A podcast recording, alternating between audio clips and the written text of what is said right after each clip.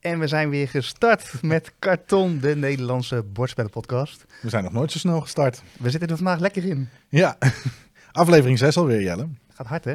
Ja. En ehm, nou ja, ik ben dus Jelle van het YouTube-kanaal Spellen Jelle. En ik ben Luc van Koning Bordspel. En we gaan vandaag eh, weer een nieuwe aflevering maken. En eh, nou ja, jij mag eventjes het onderwerp ehm, benoemen, want je hebt hem ook zelf ingebracht. Ja, ik zette je enorm voor het blok de vorige aflevering. Eh, ik moest van jou aan het solo spelen gaan beginnen. Eh, heb ik volgens mij netjes en braaf gedaan. Zeker. En toen dacht ik, nu kan je hem krijgen ook. Ik ga jou iets laten doen waar jij niet vrolijk van wordt. Of tenminste, waar je niet zo heel veel mee van doen hebt. En dat is namelijk partyspellen. Dus de leuke, gezellige, niet veel strategie spellen waar je om kan lachen. Precies. Dus daar gaan we vandaag eens eventjes induiken. Was voor mij een, eh, ja, ook eventjes een stap in een nieuwe wereld. Dus, eh, maar daarover later meer. Ehm, dit is de aflevering die we maken nog voor de zomervakantie. Dus ehm, na deze aflevering zal het eventjes wat langer als normaal stil zijn. Want wij gaan op 5 september. 5 september weer de volgende aflevering maken. Dat alvast gezegd hebbende. Dus geniet vooral nog even extra van deze aflevering. Want daarna moeten wij ook even op vakantie. Ja, en hij wordt behapbaar, want Jelle denkt partyspellen. Dat moet vast een korte aflevering worden. Ja. Dus eh, we zijn in drie kwartier klaar. Sowieso. Nou, en dat is al lang hoor. Kun jij weer eventjes als, eh, nou, zoals we van jou gewend zijn, even goed opzommen wat we deze aflevering precies allemaal te horen gaan krijgen? Nou, misschien begin je er inmiddels aan te wennen, maar we hebben inderdaad weer de volgende dingen in de aflevering. Eh, we hebben ook in deze komkommertijd weer wat nieuwtjes verzameld. Eh, er zijn zeker weer vragen binnengekomen van onze luisteraars waar we mee aan de slag gaan. We hebben een versus in de partyspellen. Jelle heeft zowaar ook nog een top 3 in partyspellen weten te vinden. En we hebben een thema bedacht voor de volgende aflevering. En daar gaan we jullie dan ook mee opwarmen, zodat jullie in de zomervakantie genoeg tijd hebben om daar input voor te geven. Yes, Dat. Maar waar gaan we mee beginnen, Jelle? Met de nieuwtjes. de nieuwtjes inderdaad. Heb jij nog een mooi eh, nieuwtje? klaar ja, ik heb wel een heel mooi nieuwtje. The One Ring has been found. The One Ring to rule them all. Eh, we hebben het wel eens gehad over die, eh, die ene unieke kaart in de Magic the Gathering van Lord of the Rings. Die pak een beet 2,5, 3 weken uit is. Ehm, die is gevonden. Die is al netjes opgestuurd naar een grading company genaamd PSA. Dus daar zit een, eh, een mooi metaal, of een metalen, een mooi plastic beschermhoesje omheen met het predicaat mint 9. Dat betekent dat die bijna perfect is. Maar who cares? Want er is geen andere van. Dus als je die kaart wil hebben, is het deze kaart. En eh, ja, er schijnt al een bod van 3 miljoen op tafel te liggen om deze kaart in iemands bezit te laten komen. Bizar hè? Maar er is dus iemand geweest, weet je toevallig ook in welk land dat is geweest? Ja, het is in de VS. Niet heel verrassend. Er waren veel mensen die dachten van ja, dat moet gewoon in, in de circulatie komen in Amerika. Nou, dat, ik weet niet of dat zo gegaan is, maar heel verbaasd ben ik ook weer niet. Maar het is in ieder geval iemand in Amerika, maar uiteraard de anonimiteit van zo'n eh, persoon die is gewaarborgd. Want ja, als je weet dat er 3 miljoen eh, te halen valt, dan wil je dat een beetje geheim houden. Zo, maar dat is dus wel een moment geweest dat iemand gewoon zo'n pakje heeft opengemaakt. En dan zo, zo'n kaart uit heeft gehaald. En dat je denkt, dit is hem. En waarschijnlijk ga je ook nog twijfelen van, ja, is dit hem wel echt? Of zijn er gewoon meer ringen in dit spel bijvoorbeeld? Hè? Maar dat je dan achterkomt, dit is hem. Ik heb die ene kaart. En dat je dan ook moet beseffen van, wat ga ik doen? Want het liefst wil je dat inderdaad van de daken schreeuwen waarschijnlijk. Maar dan moet je dus ook nog je weg zien te vinden bij zo'n grading company. En dat het allemaal een beetje wordt geregeld. Dus waarschijnlijk moet je daar ook wel een soort van kennis van hebben. Hoe je dan stappen zou zetten om dat goed voor elkaar te krijgen. Ja, en, maar ik denk, mijn verwachting is, dit is gewoon door een, een commerciële partij in de trading card companies gevonden. Eh, er zat zo'n enorme hype en rush op die collector booster boxen. En even voor de luisteraars, een één pakje van die kaarten had een adviesprijs van 40 dollar. Hmm. Dus dan koop je een, een pakje met, nou, acht of twaalf kaarten, dat weet ik eventjes niet zeker uit mijn hoofd. En daar betaal je al 40 dollar voor, omdat de kans van die ene ring erbij zit. Nou, wat zag je gebeuren? Eh, een doos eh, van 12 pakjes moest ongeveer 450 eh, eh, dollar kosten. Je zag dat die prijs al opgedreven werd online. Dus de vraag was, wordt hij vroeg gevonden? Want als hij niet in de eerste paar weken gevonden wordt, dan zijn het al die lui die die dozen op de plank zetten. Waar ik overigens heel eerlijk gezegd ook eentje van wilde zijn. Ehm, en dan gaat die prijs, die gaat, die gaat het dak door. Want mensen willen al die ongeopende pakjes dan hebben. Want de ring is nog niet gevonden. Maar ja, ik denk dat die op dag 1 is gevonden. Dus dat is gewoon een partij geweest die eh, pak een beet, weet ik veel, 100, 200 van die dozen heeft gepakt. Eh, die maken de helft open. En die gebruiken ze voor single sale. Hè? Dus dan gaan ze Hmm. kaarten alleenstaand verkopen.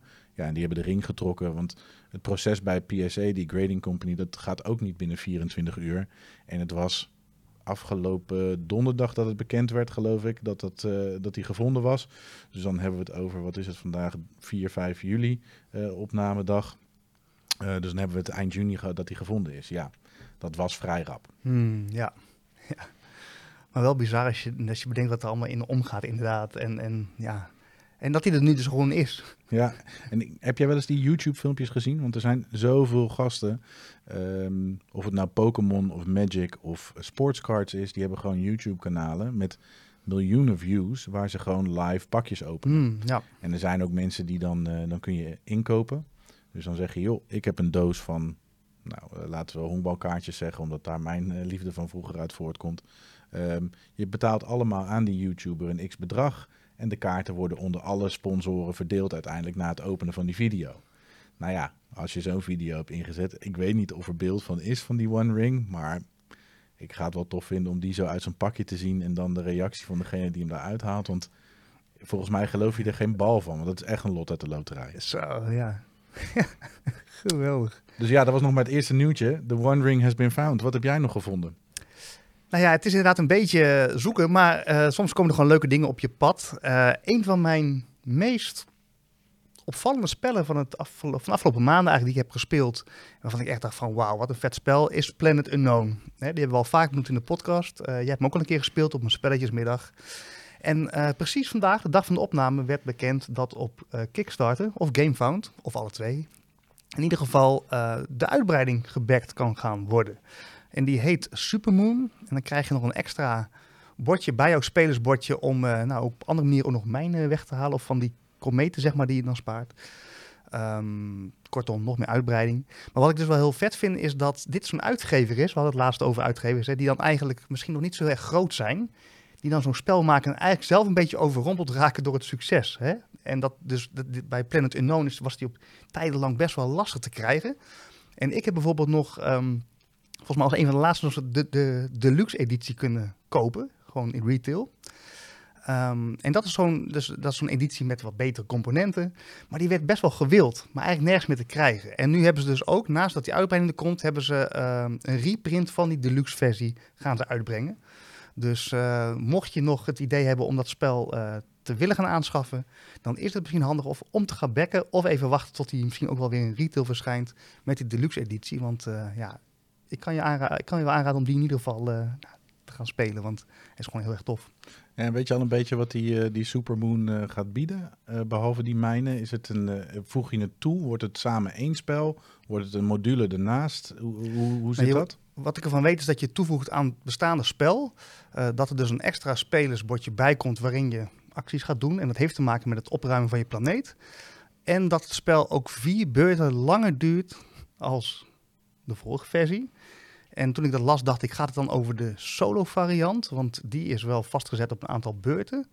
Terwijl volgens mij, hè, toen ja. wij hem ook hebben gespeeld, het is een beetje afhankelijk hoe snel iemand zijn bordje vol heeft gebouwd en zijn planeet voordat die endgame wordt getriggerd. Maar goed, um, het zou dus vier beurten langer duren, waardoor er ook ja, meer keuzemogelijkheden gaan ontstaan en het spel iets meer ruimte biedt om dus andere keuzes te maken. Maar veel meer informatie als dit, um, weet ik niet. Oké, okay. en um, er komt ineens iets bij me op, hè? Kickstarter, GameFound, alle, alle platforms waar wat prima platforms zijn voor kleinere uitgevers om hun, hun spel tot leven te wekken. Um, hebben we daar nog een mening over? Heb jij daar een mening over? Is, is dat goed voor de, voor de branche? Is dat niet goed voor de branche? Wat, wat geeft het ons? Nou, het geeft je zelf regie op het laten ontstaan van spellen natuurlijk. Toch? Dus als ja, nee, je, ik heb bedoel, je, bedoel je het niet zo op die manier? Ja, weet je, ik snap het vanuit een perspectief van... Uh, kijk, als je een spel tot leven wil wekken... zul je snel toch uh, tienduizenden euro's bij elkaar moeten verzamelen... voor het hele proces. Uh, de, de beta-versies die je moet laten maken. Uiteindelijk een printrun. Dus dat zijn best wel grote voorinvesteringen. En ik snap dat je met die platforms...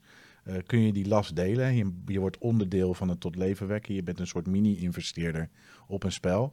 Um, maar ik heb wel eens begrepen dat Kickstarter best wel hele heftige fees rekent. Mm. Uh, vandaar dat volgens mij de platforms zoals GameFound ook zijn ontstaan. Eh, en dat je daar soms ook nog best wel afgeknepen wordt. En dat, eh, nou ja, als je kiet speelt, mag je van geluk spreken voor de meeste projecten. Hmm. Ja, dat is een goede vraag. Ja, ik ben dus niet zo, eh, wat ik al eerder heb uitgelegd in deze podcast, ik eh, ben daar bewust nooit eh, te diep ingedoken en dat ben ik ook niet van plan. Ook nu denk ik bijvoorbeeld hè, bij deze uitbreiding, ik ga zelf wachten tot die op een gegeven moment in de retail komt. Dat ik hier eh, bij Koning Bordspel zo naar binnen kan lopen en dan kan zeggen van, hé hey Luc, heb je hem liggen? Ehm, dus ik weet ook te weinig af van inderdaad de percentages. Maar ik kan me wel voorstellen dat dat inderdaad, eh, ja, dat soort platformen uiteindelijk loopt het vaak tegen de grens aan. Hè? En gaat het uiteindelijk toch weer om geld verdienen. En ja, dan is altijd weer de vraag met welke intenties is het ooit bedacht. En is dat nog steeds de juiste intentie die op dat moment ook wordt uitgerold? Bijvoorbeeld een kans bieden aan startende spelontwerpers om een spel uit te brengen. Of wordt het gewoon een, ja, een manier om gewoon keihard cash te verdienen?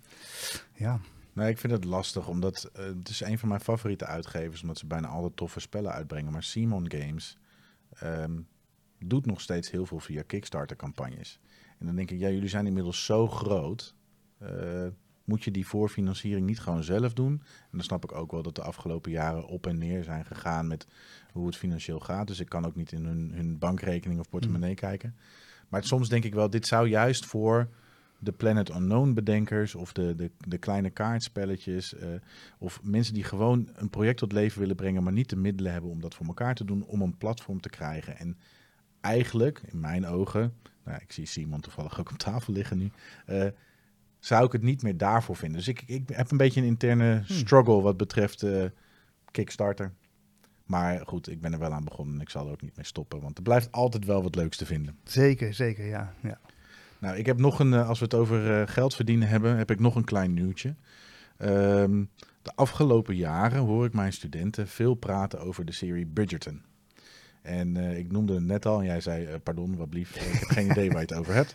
Eh, Bridgerton is een serie op Netflix en die gaat over een beetje de, ja, de, de nobele Engelsen, volgens mij in de 19e eeuw, die op zoek gaan naar liefde. Oftewel gewoon hele klassieke verhaallijnen. maar daar gaan ze dus een bordspel van maken. En ik las dat en ik dacht, oké, ik weet niet wat ik daarvan vind. Kan natuurlijk heel erg goed zijn, maar ehm, nou ja, dat, dat was een beetje dat ik dacht van nou, interessant dat ze ook van zoiets een bordspel weten te maken. Gaan ze zich dan richten op de liefde? Geen idee. Gaan ze zich richten op de verhaallijn? Ook geen idee. Maar het was weer zo'n eh, zo'n signaaltje van hey, maken we een spel omdat het een goed spel is? Of maken we een spel omdat het, eh, nou, eh, noem maar wat, aan een serie of een film gekoppeld is? We hebben er natuurlijk een aflevering over gemaakt. En gaat het ons iets bieden? Ja, ik zit daar wel nu in, in andere laag nog in te bedenken. Wil ik toch even voorleggen. Toen jij mij dit, net voordat we de opname starten, zat jij, eh, vertelde jij mij dit. En toen zei je ook dat, naast dat het in Engeland is, 19e eeuw en eh, over liefde gaat, was het dus ook een kenmerk dat er veel verschillende culturen eh, waren gebruikt. Dus, nou ja, als je het over 19e eeuws Engeland hebt, dan heb je het over een, een blanke serie. Precies. En eh, dat hebben ze in deze serie bewust niet gedaan. Een betere weerspiegeling van de Engelse, huidige Engelse maatschappij. Dus een, een teken van diversiteit. Alleen maar aan te, te, te juichen, denk ik. Eh, dat, ik vind namelijk dat iedereen zich altijd moet kunnen herkennen in iets wat aangeboden wordt. Eh, dus dat is wel een kenmerk van Bridgerton. En misschien ook wel waarom het zo populair is. Ja, en dan zou het dus nog wel interessant zijn of ze die diversiteit dus ook in de bordspellen willen gaan brengen. Dus dan zou het nog wel een vernieuwend element kunnen gaan worden. Ehm ben ik wel benieuwd hoe ze dat dan gaan doen. Ja, nou, goed. ja interessant. We zien het natuurlijk overal terugkomen. Ehm, Ariel is ook geen eh, blank meisje met rood haar meer in de Precies. nieuwe Little Mermaid film. En Ja. eh, ik vind dat helemaal prima. En in de Lord of the Rings Magic set is Galadriel ook niet blank. Nou, ja, het is een mythical being, so who cares? Ja. Ja, dus, maar goed, het zou natuurlijk wel een eerste aanzet kunnen zijn. Hè, dat ze dus, naast dat het spel een hit is, ook nou, misschien wel een kans willen pakken om dus die diversiteit wat meer ook in de bordspellen te krijgen. Ja, oh, is een hele andere vraag inderdaad. Diversiteit in de bordspellen.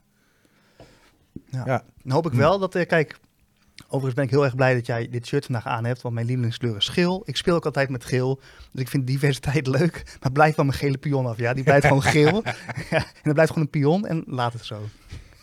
Verder ben ik heel ruimdenkend. Helemaal goed. Ja. wat, wat heb je nog meer, Jelle? En je had het net over Siemens Games. Nou, even niet te verwarren met een andere uitgever die ik nu ga noemen. Dat lijkt er namelijk op. Maar ik krijg via mijn YouTube-kanaal, de Spellen af en toe nog wel eens mailtjes van eh, nou, wat kleinere uitgevers die een, uh, een spel op de markt gaan brengen. En vragen, hey Jelle, wil jij hier een video voor ons over maken? Toevallig kreeg ik uh, deze week een mailtje van Cinnamon Games. Een Nederlandse uitgever. Jij kent ze ook. je hebt ook zelf spellen hier in de winkel staan. Heb je, liet je me net zien. En die gaan dus uh, augustus een nieuw spel uitbrengen. En dat is dus ook een partygame. Dus wat dat betreft dacht ik, hij past mooi in deze uitzending. En die heet... Stat You. Stat You. En het idee gaat zijn dat je dus uh, nou, dat in een groep gaat spelen. Je krijgt een, uh, een aantal kaartjes waar waarschijnlijk een personage op staat en een handeling. Nou ja, waarschijnlijk hele grappige, leuke dingen. En die moet jij dan gaan, uh, je moet eigenlijk jouw medespeler gaat beeld houden. Dus je gaat hem als een soort van standbeeld neerzetten in bepaalde bewegingen. Waarschijnlijk tot heel veel hilariteit. En dan moeten de anderen raden wat hij op dat moment uitbeeldt. Nou, dit is even in, in, een vogelvlucht wat het spel gaat inhouden. Maar ja, je ziet het natuurlijk al voor je. Je moet elkaar allemaal in gekke vormen gaan zetten. En, uh, ken je het spel uh, Where's My Dude? Of What's My Dude? Ik weet wel de film Dude, Where's My Car? Maar... nee, er, is, er kwam mijn nichtje op een of andere familieweekend mee aanzetten een paar jaar geleden. Dat is dus een, een, een spelletje waarbij je een uh, opblaaspop hebt. En dat is de dude. En uh, dat is een, uh, een opblaaspop in een van de groen pakkie. En dan moet je de dude gebruiken om een soort hints te spelen. Dus je mag de dude ook in allerlei vormen neerzetten ah. om, om mee aan de slag te gaan. En Stat You, ik had het gezien, de aankondiging op Instagram al. Me, ik moest daar aan denken in ieder geval toen ik het zag. Maar Cinnamon Games, ja, dat is hun nieuwe project. En ik vertelde jou, oh Fox, uh, vond ik een leuk spel. Vind ik een leuk spel wat zij uh, een aantal jaren geleden hebben uitgebracht. Dus, dus uh, ik ben benieuwd voor de party games. we moeten het nog over gaan hebben wat party games nou eindelijk zijn. Maar ehm, ja. ja, kan nou ja. een hele goede aanvulling zijn. En mocht je nou denken, oh Jelle, leuk, dat heb ik nu gehoord. Ik ga nou elke dag je YouTube-kanaal in de gaten houden. Of het filmpje van Statue erop staat. Die komt dus niet. Want ik heb hem wel vriendelijk bedankt. Want ik heb ook uitgelegd van ja, ik maak playthroughs. Dus ik geef geen reviews, maar ik speel spellen. Gewoon voor de camera. Uh, eigenlijk alleen. Dat wordt met Statue vrij lastig, denk ik. Wordt een hele, misschien wel een hele grappige video. Maar ik kan natuurlijk in een soort van twee persoonlijkheden en dan mezelf gaan beeld houden. Nou, dat, dit gaat niet worden. Nee, Charda wilde dus, niet uh, meewerken. ik heb het niet gevraagd. Nee.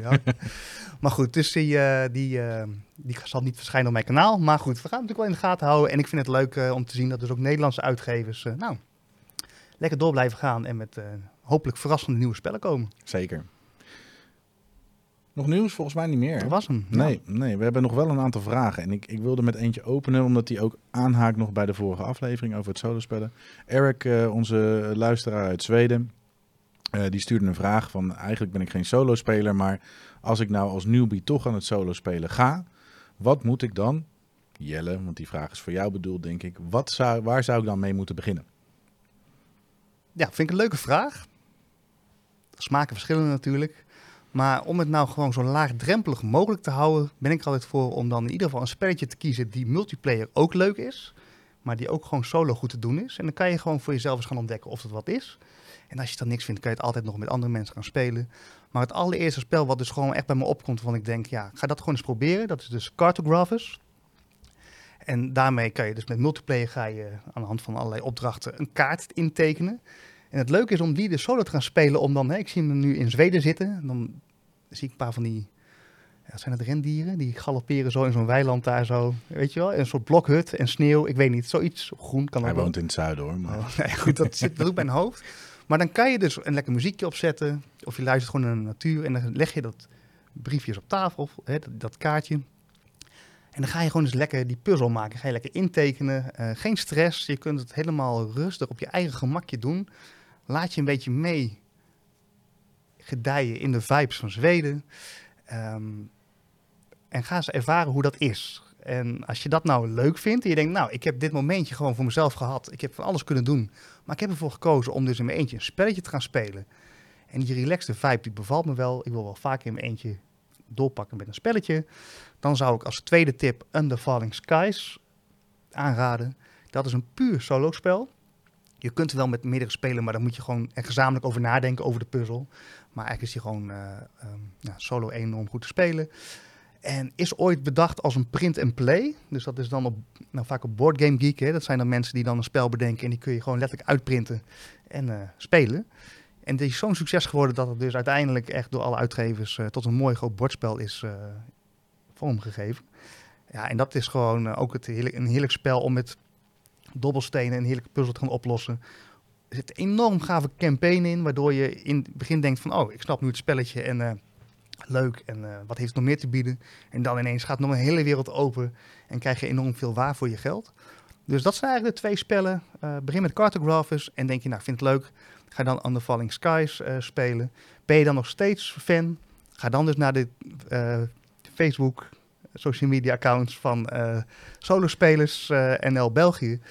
Um, ja, dan word je dagelijks gewoon op deze vraag die jij nu hebt geïnspireerd om nou, nog heel veel andere spellen te kopen. Maar begin eens hiermee. En die uh, Facebookgroep die had een aantal volgers erbij gekregen. Ja, er zijn, vorige aflevering. Dat is echt leuk. Ja, en, ook mensen die zeiden van nou, na het luisteren van de podcast uh, ben ik nu hier. En nou, die werden ook hartelijk welkom geheten. Dus ja, het, het, het heeft... Het, we zijn langzamerhand... zijn we dit gewoon veel breder aan het maken. En er komt een tijd en dan heeft ook het solo spelen in de board, boardgame community gewoon een gedegen plek. Zonder dat we gekkies zijn. Nou, dat zijn jullie al lang niet meer. En je noemt nog iets waar ik even op wil aanhanken. Je hebt het over de print and place. Uh, Janine, een luisteraar van ons en een uh, collega van mij op de hogeschool ook. Um, dat is ook een van die mensen waar ik het in de afleveringen over had, die graag solo speelt. En die doet ook graag aan de, aan de print and plays. Alleen maakt ze er dan wel iedere keer iets speciaals van. Dus dan heeft ze weer een spelletje. Eh, dan moet dat wel op uh, mooi dik papier geprint worden. En dan uh, zoekt ze er een, een, een, blikje bij waar het allemaal in verzameld kan mm. worden. Dat ze toch iets in de collectie heeft zitten wat meer is dan een beetje papier en karton. Ja. Maakt ze er stiekem zelf iets moois van. En dat dacht ik van ja, jij wil graag alleen spelen. Even snel zo'n spelletje ertussendoor. Ik snap de charme er echt wel van. Nou ja, alleen wat ik de vorige keer ook zei. Als ik dan iets alleen doe, dan kies ik voor iets anders. Maar ik wil nog één ding erover zeggen. Je had het over Eric, die zo mooi in zo'n Zweeds landschap uit zijn raam zit te turen. Ik ben, uh, heb, heb, zelf ooit uh, in het buitenland gewoond. En toen ik daar naartoe verhuisde, toen ik emigreerde, uh, was dat midden in een winter. En ik had niks. Al mijn geld was opgegaan aan die verhuizing. Uh, de, e-, het eerste salaris moest nog komen. Ik had een huisje, want dat had ik van tevoren wel geregeld. Maar dat was een blokhut zonder verwarming. Dus ik zat daar gewoon een houtkacheltje op te stoken en een dekbed om me heen te wrappen. Dat was het moment dat ik blootgesteld had moeten worden aan solo spelen. Precies. Niet gebeurd. Nee, dat had life-changing kunnen zijn. Maar, ja, misschien wel.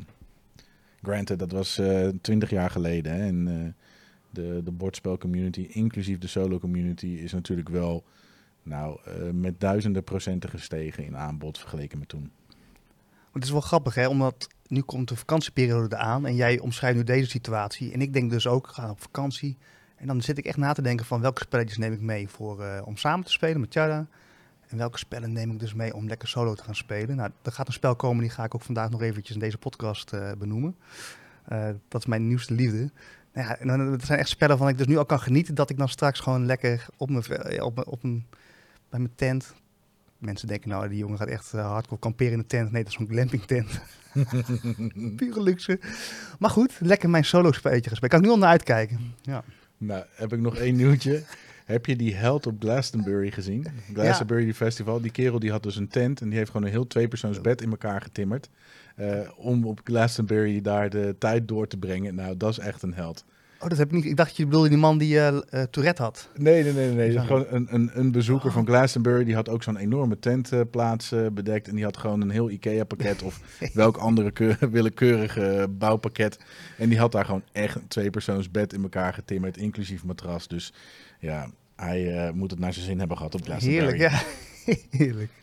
Goed, vragen waren we mee bezig. Yes. Um, vraag voor jou dat kan best wel een uitgebreide vraag worden. Ik ben benieuwd. Um, ehm, 106 Timo, ja, hij zou niet 106 Timo heten in het echte leven, denk ik, maar zo uh, heet hij op YouTube. Die had het erover, kijk, je hebt bijvoorbeeld het spel Sleeping Gods. Mhm. Dat is een spel wat hij ontzettend gaaf vindt. En hij dacht, hoe wordt dat nou gemaakt? Dus hij is op zoek gegaan naar de making of Sleeping Gods. Nou, hij is niet gevonden. Dus dan kom je uit bij Karton, de podcast. Ja. helpt mij. Uh, hij, is gewoon hij vindt het interessant om eens na te denken over... Ja, als je nou onder de motorkap kijkt van de bordspellenwereld eigenlijk... Uh, is er een soort van ja, vastgestelde motor of zo... waar dus de spelletjes op draaien. Dus wat gebeurt er eigenlijk bij de making-of? is voor mij een wereld die, ik ben meer een speler, dus ik ben meer een consument. Ehm, misschien, jij hebt wat vaker dichter bij het vuur gezeten, ook rondom vertaling en zo. Kun jij daar iets over zeggen? Dat is wel een hele lastige vraag inderdaad, want ik denk niet dat er maar één modus is voor het maken van een bordspel. Ehm, ik heb het zelf een aantal jaren geleden geprobeerd. En dat zeg ik echt op het kleinst mogelijke geprobeerd met een aantal vrienden. Ehm, wat ik wel zie is dat als een uitgever een spel wil opnemen, dus van creatie tot productie, ehm, dat gebeurt wel steeds minder. Uh, de grote Nederlandse uitgevers, uh, de White Goblins, de Nine Nines uh, of Geronimo vanuit België, die kopen licenties of kopen titels. Hmm. En we zagen dat op de afgelopen Ducosim, even een zijstapje, Remco van Angry Raccoons, die was daar ook zijn spel aan het verkopen. Die heeft met meerdere uitgevers in Nederland contact gelegd. Die zagen zijn spel en dachten, oh misschien is dat wel een leuke titel die onder onze vlag doorgang kan vinden. Snap je? Dus dat is een proces zoals het meestal gaat. Maar uiteindelijk, ergens in het begin, zit er dus een bepaald proces en gaat er iemand met een boekje schrijven. Nou, hij noemt Sleeping Gods. Een heel verhalend spel natuurlijk. kan me niet voorstellen dat daar niet gewoon een auteur of een groepje auteurs in de verhaallijn zit van hoe kunnen we iets tot leven brengen. Bijna scenario, nou ja, niet bijna. Je schrijft gewoon scenario's voor zo'n spel. Ja, weten, nee, ik weet het niet. Ik ben niet betrokken geweest bij zo'n proces. Wat ik wel weet is dat elk spel, voordat het tot leven komt, en dat weten we ook van Stefan, hè, die jij vorige keer benoemde, zo ontzettend veel playtesten. Want je kunt wel iets schrijven, maar er gaat altijd iets tegenkomen waar een foutje in zit. Of waar het stroef loopt of wat niet soepel loopt. Dus heel veel herschrijven, herschrijven, herschrijven. Weer uitproberen, uitproberen, uitproberen. Terug naar de schrijftafel. Ja, het is, het is geen uh, makkelijk proces. Ja, tenzij je Stefan Veld heet of uh, um, Oer Rosenberg. Een van de mensen die gewoon maar titels eruit blijven pompen. Maar kijk maar eens goed naar die spellen de mechanismen zijn herkenbaar. Er wordt alleen maar een, sausje ingefietst en uh, ze bouwen door op een mechanisme wat ze goed snappen. En ze gaan het sausje veranderen. Ja, dus in dat opzicht zou er wel iets onder de motorkappen liggen. Hè? Zoals zeker bij zo'n Stefan Veld bijvoorbeeld, in die grotere namen. Dat ze toch wel een soort van dezelfde motor gebruiken, maar met het andere sausje. Ja. En, uh, volgens mij heb ik die vergelijking wel eens gemaakt. Hè? Spellen zijn net als literatuur en muziek. Heb ik dat wel eens gezegd? Vast. Nou ja. Maar ik weet hem even niet meer. Nou nu komt hij. Ehm, als je naar de literatuur kijkt, dan zijn er gewoon zeg maar zeven, acht thema's waar elk verhaal aan te koppelen valt. Als je naar muziek kijkt, The Power of Fifth, uh, in de basis zitten heel, kun je heel veel muziek hmm. over elkaar heen leggen. En dan kun je wel een halve toon gaan veranderen of je kunt een andere volgorde in je akkoorden zoeken. Maar er zit een bepaalde basis in die op een andere unieke manier bij elkaar gebracht worden om het weer een nieuwe ervaring te geven. Hm. Maar eh, de, de five-chord song of de three-chord song, uh, je kunt zo uh, met drie akkoorden, geloof ik wel, honderd hits spelen van de afgelopen twintig jaar. Ja, ja dat, daar zijn genoeg filmpjes van op YouTube inderdaad. Dan zie je dat je eigenlijk met drie akkoorden nodig hebt om inderdaad echt letterlijk honderd liedjes te spelen. En zo werkt het natuurlijk ook wel bij borstspellen inderdaad. Hè? Alleen is het denk ik toch wel, moeten we ook niet onderschatten hoe moeilijk het is om dus een twist te maken die dan ook nog werkt. Nee, want ik wil geen zin schetsen dat het daarmee makkelijk is. Absoluut niet. Nee, hè? het is niet zo van, oké, ik heb al uh, vijf toptitels, doen we die zesde nog eventjes. Hè? Dat, het, ja, om hem toch weer net een, ander, een andere swing eraan te geven, zonder dat het spel instort. Want er hoeft maar iets te gebeuren of het werkt al niet meer, zeg maar. Nee. Mensen lopen vast of, uh, nou ja, dat zie je natuurlijk in dat playtesten. Dan denk je dat je het perfecte spel hebt en dan ga je het spelen. En dan komen mensen toch weer tegen dingen dat je, oh, daar heb ik niet over nagedacht. Moet ik daar weer een oplossing op bedenken. En... Ja, en zelfs als spellen al in productie zijn geweest. Ik bedoel, hoe vaak is het niet dat een spel in een nieuw jasje wordt uitgebracht, uh, omdat er bepaalde mechaniekfouten daarmee uitgehaald worden. Of er wordt een uitbreiding toegevoegd, juist om uh, het stroeve gedeelte uit een basisspel weg te halen. Ja. En het is zeker ontzettend moeilijk en er gaat heel veel tijd in zitten. Dus alle respect voor iedereen die dat weet te doen en tot leven weet te brengen. Want het is, het is een hele harde markt. Want als je je titeltje opstuurt naar een uitgever, uh, 95 tot 99 procent wordt of in de prullenbak geveegd of teruggestuurd van joh, je bent nog niet ver genoeg om bij ons om tafel te gaan zitten. Ja, ja. Dus Timo, ik weet niet of dit een, een bevredigend antwoord is, maar we weten het ook niet. Maar um, ik ken wel wat kanalen dat ik iemand is daar wat over ga vragen. En um, daar komen we nog wel een keertje op terug. Je bedoelt Bastiaan. nou ja, misschien dat hij er ook best wel een antwoord op heeft. Nou ja, uh, hij luistert niet, hè, want anders had hij al lang... Uh... Hij, nou ja, ja, voor de mensen die nu pas luisteren deze aflevering. Wij willen sowieso altijd één keer Bastiaan van Nok Spellerzolder uh, benoemen. Dus dat is nu ook weer gelukt. Omdat we hem, uh, overigens niet om te pesten, hè, maar ja... Nee, het wordt een beetje een running gag, maar ja. Bastiaan, we houden van je. Yes. Ik heb ook een vraag nog voor jou. Uh, Marlies die vraagt, ehm, zijn er ook leuke verhalende spellen, ook even aansluitend bij Sleeping Gods, uh, zonder app die het begeleidt? Dat vond ik inderdaad een leuke vraag en ik ben daar vandaag eens even ingedoken. En er zijn ontzettend veel spellen die wel een app gebruiken tegenwoordig. Dus je ziet inderdaad dat heel veel spellen wel een app gebruiken. Ik ben zelf overigens nog niet overgestapt op het gebruik van een app. Dus ik ben nog niet zo ver. Hoewel ik ondertussen wel begrepen dat heel veel apps gewoon heel goed werken. Bijvoorbeeld bij een Lord of the Rings. En uh, nou, dat schijnt echt allemaal super te zijn.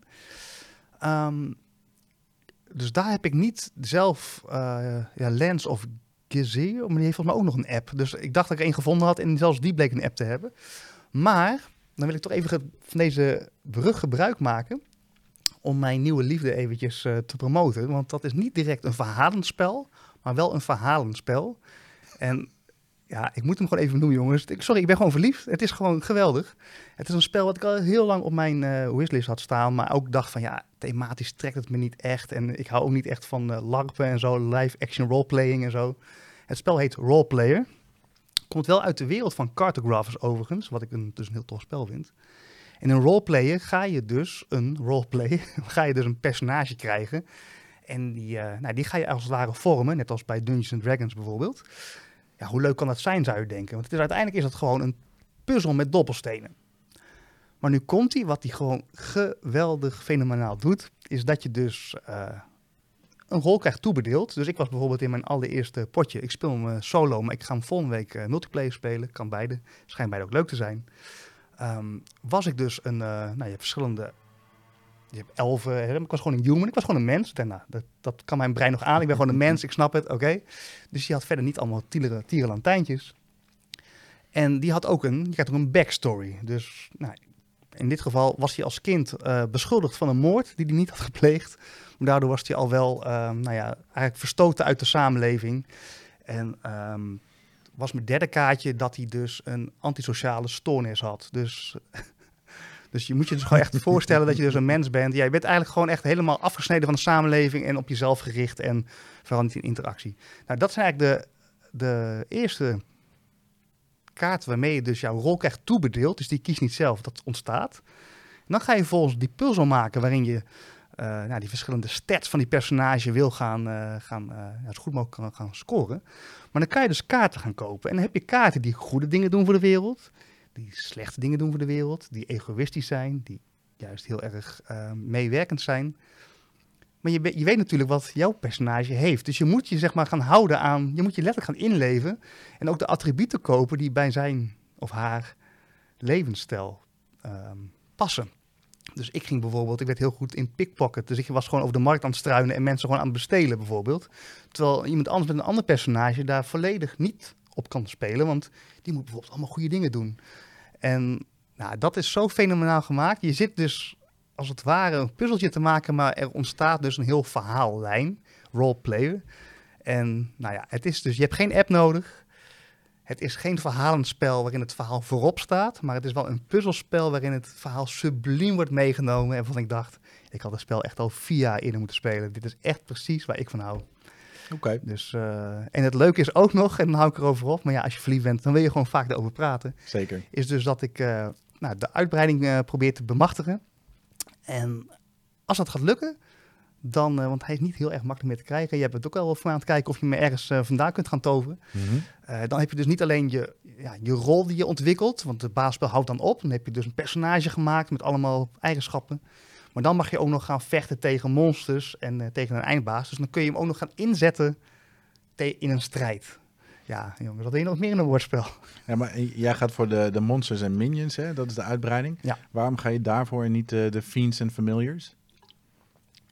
Omdat uh, dankzij het internet kan je goed on onderzoek doen. En dus eigenlijk vast te stellen, unaniem, dat die uh, Monsters and Minions uitbreiding, dat was de eerste uitbreiding. Dat is echt een fenomenale uitbreiding. Die wordt echt geprezen om, ja, nu is het spel echt af. Die, die laatste uitbreiding, dan krijg je eigenlijk als het ware ja, meer kaart natuurlijk, maar ook een huisdier. Dus er komt een hulpje bij die jou gaat helpen. En uh, kan ook leuk zijn, maar dan wordt het volgens mij iets te veel van het goede, denk hmm. ik. Dus waar de eerste uitbreiding echt zorgt voor een verlenging van het spel, namelijk je hebt niet alleen iets gemaakt en dan stopt het, maar je mag het ook gaan gebruiken. Is de derde uitbreiding weer, uh, nou laten we nog meer de breedte ingaan. En nou, misschien dat die nog wel eens komt, maar het zijn geen goedkope uitbreidingen die je eventjes voor uh, twee tientjes koopt of zo. Dus uh, ik ga hiermee beginnen en op mijn, dit is dus het spel wat ik um, op vakantie heerlijk solo ga neerleggen. Je speelt het in een half uurtje, drie kwartier. Ja, dat, ik heb deze week er al vier potjes op zitten. En jij gaat op de glamping gewoon lekker verder. Waarbij het dus leuk is dat als je het op een camping doet of op een glamping en je doet dat voor, op een picknicktafel voor je tent, binnen no time komen de mensen naast je zitten en dan zeg je, wegwezen, ik speel solo. Nee. zeg je welkom, kom erbij en dan ben je in één keer uh, nou, de verbinder van het veld. Ja, het is altijd een ijsbreker, een goed spel op tafel leggen. Maar, goed spel zonder app, maar eigenlijk voeg Marlies naar verhalende spellen zonder app. En ehm, ik heb er eentje wel in de aanbieding. En ik denk dat dat een, um, uh, een goede is. Ik zal zo uitleggen waarom. Maar dat is Robin Hood. Uh, de avonturen van Robin Hood, uitgegeven door 999. Ook genomineerd afgelopen jaar uh, voor de Nederlandse Spellenprijs. Um, je hebt een soort adventkalender voor je neus liggen. Een groot speelbord en een adventkalender omdat er allemaal stukjes in het bord zitten die je kunt omdraaien. Uh, eigenlijk geen spelregels, want het eerste scenario speel je namelijk om de regels te leren kennen. Je moet in dat eerste scenario moet je Little John bevrijden. Je hebt een boek erbij zitten, in die zin dus verhalend. Uh, daar wordt een stukje introductietekst uitgelegd. dan ga je naar de spellenmechanismes en dan zeggen ze: Oké, nu ga je stap 1 doen, ga naar bladzijde X. Hier ga je verder. Dan kom je in dat spel keuzes tegen en dan, dan zeggen ze: Nou, kies je dit Ehm, om een voorbeeldje te geven wat geen spoiler is. Uh, er zit op een gegeven moment een, eh, een kleine hive in een boom hangt er. En dat zie je op het bord liggen. Een bijenkorf, sorry, ik kon er niet opkomen. Pak je die bijenkorf in de hoop dat er honing in zit. Of pak je hem niet en laat je de bijen met rust. Pak je hem, ga naar bladzijde zoveel. Hmm. Pak je hem niet, ga naar bladzijde zoveel plus. En zo kom je dus door middel van dat boek, uh, wordt je dat verhaal doorgeleid. Dus dat is een hele goede, denk ik. Uh, maar wel een kanttekening, die zit hem wat mij betreft wel echt in de familiespellen. Uh, want die is gezellig, denk ik, om als gezin met jonge kinderen aan te pakken. Um, zit het is echt wel een leuk mechanisme, want je strijdt eigenlijk een beetje tegen de depressie van Sherwood. Hè. Je, de sheriff die maakt iedereen ongelukkig. Daar probeer je een beetje mee aan de gang te gaan. En ja, daar ben je tegen aan het vechten. Dus een leuk mechanisme, maar uh, verwacht het niet hetzelfde van als een Fellowship of the Ring of een Descent Legends of the Dark. Overigens zie ik, ik als naar rechts kijk, mijn oog werd er zo naartoe getrokken. Dat is het voordat we nu in de winkel zitten. Ik zie Andor staan, de legende van Andor. Is natuurlijk ook misschien uiteindelijk wel meer een puzzelspel, maar wel verhaal, er zit heel veel verhaal in en verhaal in die zin.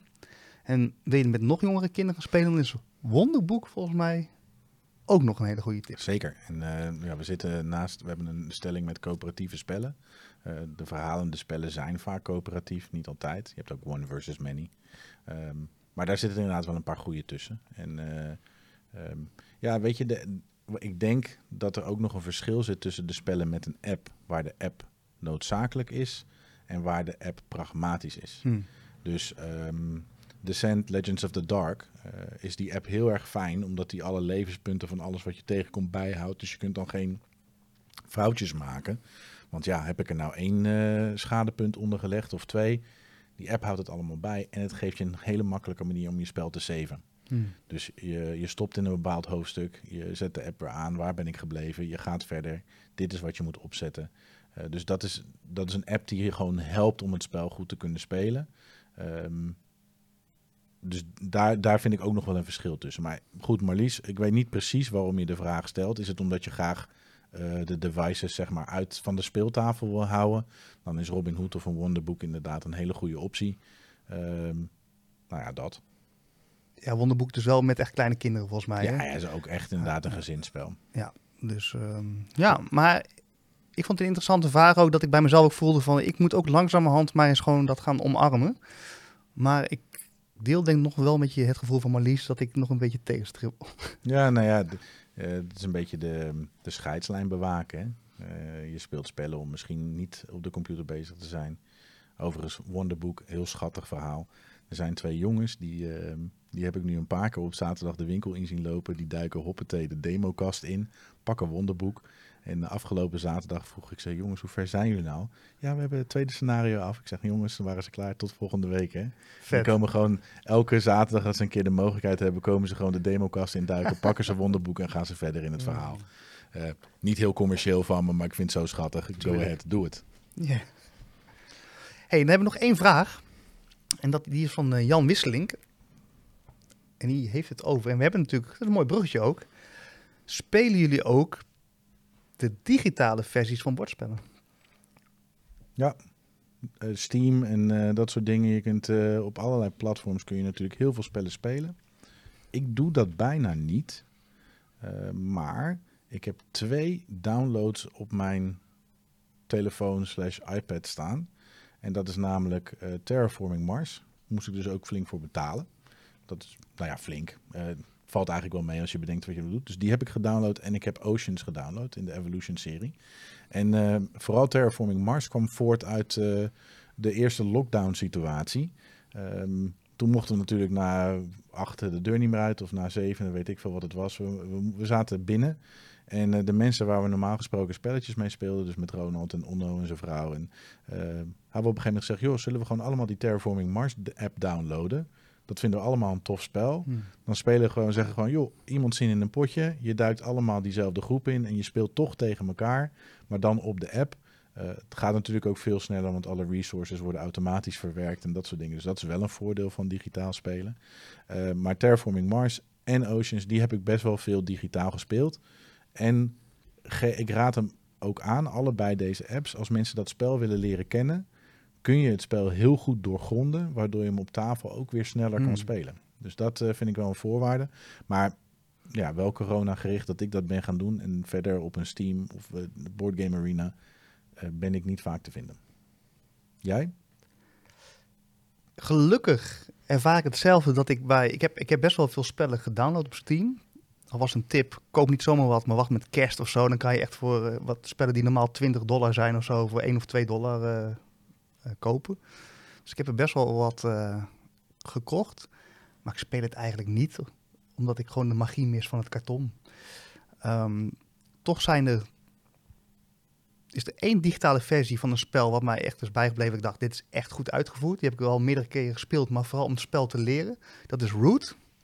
Dus als je de digitale versie van Root speelt, dan word je echt heel goed meegenomen in een tutorial. Dus dan leer je het spel echt ontzettend goed kennen. En zeker met Root, dat is geen makkelijk spel om te leren. Dus dat is best wel fijn als je gewoon aan het handje wordt meegenomen. Kun je ook gewoon tegen de computer natuurlijk oefenen. Uh, dus die is zeker aan te raden als je Root wil proberen. Ik ben wel lid ook van Board Game Arena. Ook betalend lid. Ik vind het gewoon wel vet om dat gewoon te kunnen uh, nou, steunen eigenlijk. Ja, te onderhouden. Ja, en nou, ik zijn eigenlijk maar twee spellen die ik daar speel. Eigenlijk maar één. Overigens heet ik daar ook gewoon spellen Jelle. Dus uh, mocht je ook uh, Board Game Arena lid zijn, voeg me wel even toe. Dan kunnen we samen een keer een potje doen. Maar uh, het spel wat ik laatst toch best wel vaak nog solo heb gespeeld, dat is Ark Nova. Die hebben ze daarop gezet en de solo variant staat dus daar ook op. De, en omdat... de, de fan-made solo Nee, niet de fan-made, de gewone. Ik ben ondertussen... Um, ik heb wel eens gehad over die solo variant. Hè. Ze hebben dus de Arno gemaakt. Ondertussen ben ik wel weer teruggekomen van dat Arno... Ik hou wel van het korte. Het Ark Nova kort spelen in een, in een, in een afgebakende puzzel. En dan kom je toch op de originele solo uit. En die staat dus ook op Board Game Arena. En kun je dus ook gewoon gelijk gaan spelen. Ook om het spel beter te leren begrijpen. Maar ja, dan wordt ook alles voor je klaargelegd. En uh, geen upkeep. Dus um, uh, die is heel erg aan te raden. Maar het spel, en waar, ik ben er wel goed in, denk ik, ondertussen. Heb ik nooit de potjes bijgehouden trouwens. Maar dat is eigenlijk het enige spel wat ik nog meer speel. Als ik eventjes denk, ik moet even een kwartiertje tijd doden. En dat is Seven Wonders Duel. Dus uh, de twee spelen variant van Seven Wonders. En uh, ja, die is echt tof. Daar heb ik echt best wel heel veel potjes op Board Game Arena mee gespeeld. En eigenlijk zijn dat de enige twee spellen die ik speel. Um, ja, dus... Dus, de, dus, wil je jou tegenkomen op Board Game Arena, Ja. dan moet je in ieder geval in een uh, room gaan zitten wachten voor Seven Wonders Duel Ja. en Ark Nova. Ja, of mij gewoon toevoegen en zeggen, hey, jij wil je een potje. Ja. Maar ik ben er niet dagelijks op te vinden hoor. Ik heb af en toe, eh, kijk ik er weer eens even op. Maar, Nee, eh, die man heeft nooit tijd. ja. maar wat wel echt gewoon wel is tegenwoordig, is dat ze wel, ook op Board Game Arena, hè, dat is gewoon een website eigenlijk waar ze spellen gewoon neerzetten. Maar die uitvoeringen worden wel echt steeds beter en beter. Hè? Dus die kwaliteit van de digitale versies van bordspellen, die worden echt wel top. Voor mij zal het nooit de magie hebben van het karton en met z'n allen op tafel. Dus gelukkig zal dat eh, ja, voor mij altijd dat op plek 1 blijven staan. Maar ja, ze doen het wel heel erg goed. Ze steken er heel veel aandacht en tijd in om die spellen gewoon goed op een digitale versie te krijgen. Ja, mooi. En ik denk ook, eh, het, het, het helpt de community ook weer. Eh, ik bedoel, hartstikke veel bezoekers op Steam en Board Game Arena. En je ziet het in de Facebookgroepen ook altijd van... dit is mijn Steam-handle of mijn Board Game Arena-handle. Zoek Ja, me op. En, precies. eh, let's go. Ja. Ja, al- weet je, daar ben ik vrij simpel in. En daarom zal ik ook nooit echt tegenstander zijn van welk spel dan ook in onze community. Alles wat mensen enthousiast maakt om aan spelen toe te komen, juich ik toe. Digitaal, app, eh, solo spelen, maakt niet uit. Alles is goed. Dus ook partyspellen. Nog voordat we daarin duiken, ik kom nog wel één ding bij me op over de eh, digitale varianten. Wat wel interessant is om gewoon eens te doen, om zo'n spelletje op te starten, tegen mensen over heel de wereld te gaan spelen. En eigenlijk bij elk spel kom je er altijd achter, oké, er zijn echt levels om dit spel te spelen. Dus qua hoe goed mensen zijn. Dus als jij denkt dat je goed bent in een spel, ga het eens online spelen, dan denk je echt van, wat gebeurt hier?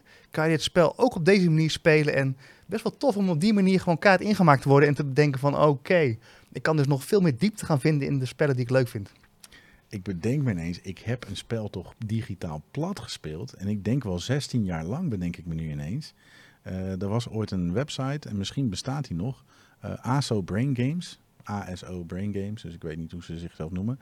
En daar kon je dus een, ehm, een applicatie, en volgens mij was het een JavaScript applicatie, maar dat weet ik niet zeker, downloaden om Catan op te spelen. Maar daar zaten dus ook heel veel verschillende maps in. Dus je kon dan zelf kiezen. Je, ging dan, je kon een spelletje starten en zeg ik, eh, er mogen twee mensen meedoen. En binnen drie tellen zaten er twee mensen in je potje en dan ging je eh, klikken en gaan. En mijn favoriete map om te spelen was Forest. Dan begin je dus gewoon met alleen maar eh, bostegels. Dus je hebt alleen maar houtinkomsten. En je hebt een aantal eh, boshavens. Dus waar je twee tegen één je hout kan ruilen tegen willekeurig ander. En om dat bos heen zaten allemaal onontdekte tegels die dus pas openden op het moment dat je er een straatje naartoe legde. En dan speelde je dus een potje Catan. Let op, als je dat met de goede spelers deed, want ik had wel eh, bepaalde mensen in mijn bloklist, omdat ze er veel te lang over deden, zeg maar. Als je dat met de goede spelers speelde, dan kon je gewoon in een kwartiertje, 20 minuten, jekkerde je er gewoon een willekeurige Catan-map doorheen en kon je dat spelen. En da- daar was ik in mijn studententijd dus echt verslaafd aan. Dus ik denk dat ik van, van af 2000, 2001 of zo, tot echt een jaar of zes, zeven geleden, dat echt helemaal, helemaal stuk gespeeld heb. Ik ben benieuwd of het nog bestaat. Nou, ik ben ook benieuwd of ze dat concept van Catan ooit ook in karton hebben uitgegeven. Want dan moet je eigenlijk gewoon gaan exploren. Hoe vet is dat? Ja, het, het was super vet. Juist dat vond ik tof. Als het niet bestaat, dan moeten ze dat echt gaan uitbrengen. Ik ga eens bellen met 99, want dat is echt wel... Ja, eigenlijk moet je gewoon een, een set extra tegels uitbrengen. En eh, gewoon zeggen, hier heb je hier... Want je, naast de forest map was er natuurlijk ook een eh, map. En eh, weet je, je had ook een desert map waar je juist heel veel met, met woestijn te maken had. En er was eentje Ja. met meerdere eilandjes, zodat je met je, met je scheepvaart erbij moest doen. Allemaal mogelijkheden. En ehm, ja, eigenlijk volgens mij 99 luister. Volgens mij moet je gewoon tegelsets uitbrengen. Dan kunnen mensen dat soort mappen zelf maken. Ja. Goed idee. Lekker. Kunnen we, dit, kunnen we dit patenteren? Ja, bij deze. Dat staat nu vast. Als het op internet staat, is het waar. Ja, Dus oh ja, dat klopt. dat waren de vragen. Ja, partyspellen. Ik zit nou nog steeds met dat maar in mijn hoofd. Maar goed, we gaan party spellen. Oké. Luc, jij hebt dit eh, ingebracht. Ga, ga gewoon eventjes eh, vertel. Vertel eventjes eh jouw heb jou pleidooi over partyspellen. Ja, ik heb jou gefoie. Oftewel, ik heb het door je strot geduwd zonder dat je er zelf iets over te zeggen had. Ik zette jou voor het blok partyspellen. Eh moeten we denk ik wel eerst beginnen? Eh, nee, ik zal eerst beginnen met waarom ik het toch een interessant thema vind om te gebruiken. Eh, en daarna zullen we het hebben over wat we dan partyspellen vinden. Ik zei net al, volgens mij alles wat mensen aan het spelen krijgt, die de deuren opent naar bordspellenland, eh, moeten we toejuichen. En laten we wel wezen, de gemiddelde persoon die bij mij de winkel inkomt, die geen ervaren speler is, dus niet meteen mijn experthoek slash Engelse hoek induikt, die is op zoek naar een spelletje wat makkelijk te leren is, waar ze lol bij hebben, om kunnen lachen, elkaar een beetje kunnen narren. Uh, het moet binnen 10 minuten, kwartiertje uitgelegd zijn, het moet niet langer dan een half uur duren. Dat is de gemiddelde persoon die op zoek is naar een spelletje en niet zelf weet wat ze zoeken. Dan kom je niet per se automatisch bij partyspellen uit, maar op momenten dat mensen een onvergetelijke avond hebben, omdat er goede verhalen uit voortkomen, dan heb je ze aan de haak. En ik denk dat partyspellen die functie hebben. De mensen die uh, denken van ja, eh, ik ben niet zo'n ontzettende nerd als Jelle en Luc. Ik ga niet drie uur lang uh, naar een tafel zitten staren en een puzzel zitten doen. Maar ik wil wel misschien met een drankje en een hapje erbij met mijn vrienden gewoon een beetje lachen, gieren, brullen. Dat zijn de partyspellen die mensen die moeten aanhaken. En dan kun je ze vanzelf een keertje iets anders laten zien, waardoor ze denken, oh wacht even. Uh, die gasten die bordspellen spelen, die zien ook wel eens de zon buiten en die kunnen ook lol hebben. Uh, ik kan ook andere dingen gaan gebeuren. Maar wat is nou de definitie van een partyspel? En die vraag wil ik eerst bij jou neerleggen. Wat vind jij dat een spel een partyspel maakt? Sowieso het kunnen spelen met een grote groep. Mm -hmm. Dus volgens mij, als je een spel alleen maar met z'n vieren kunt spelen, dan is het. Uh, zeg ik wel. moet zo even kijken hoeveel je met mijn, mijn inbreng gaat kijken. Zes. Zes spelers, gelukkig. Oké, okay. ja, zes is ruim party. Nee, dus in ieder geval met een grotere groep moet jij inderdaad uh, een spel kunnen spelen. Er moet gelachen worden. Dus inderdaad, waar eigenlijk hoe jij het omschrijft, dat je met z'n allen gewoon vooral een lollige tijd hebt, die uh, zou ik daar ook in willen hebben. Ik ben er in mijn uh, zelfreflectie over partyspellen achtergekomen dat een stuk op mij wordt aangesproken. Ik hou dan ook wel van player eliminatie. dus dat mensen ja, ja, ja. eruit kunnen worden gestuurd. En um, ja, ik weet eigenlijk niet of ik dan nu wel een goede definitie heb. Maar dus ja, dus lachen, grote groep, niet te serieus. En ook niet erg als er dus iemand uitvalt. Want je speelt ook niet drie uur. Dus als, iemand, als jij eruit wordt gestuurd, nou, dan spelen we over tien minuten weer een ander potje. En dan doe je weer lekker mee. Um, dus eigenlijk ja, veel meer op, de, op het lachen en het een leuke tijd beleven met elkaar. En niet zozeer het puzzelelement. Hè? Het Ja, dus willen het oplossen van een puzzel. Ja, het mechanisme is misschien ondergeschikt aan de lol. Ja. Ja, het kan een beetje een laf mechanisme hebben. Het, het spel zit misschien niet zo stevig in elkaar. Exploding Kittens bijvoorbeeld. Maar je hebt er wel heel veel lol in. En eh, mensen vinden, hebben, hebben een goede tijd. En die hebben een leuk verhaal als ze klaar zijn. Nou, en wat dus bij me opkomt, dan zou de conclusie voor mij dus zijn dat het spelmechanisme ondergeschikt is aan de spelersinteractie. Dus dat de spelersinteractie voorop staat en ja, de manier waarop je het speelt dan wat minder van belang is. Ja, nou, dat, eh, ik denk dat dat best een oké definitie is. Ehm, heb ik daar nog wat aan toe te voegen?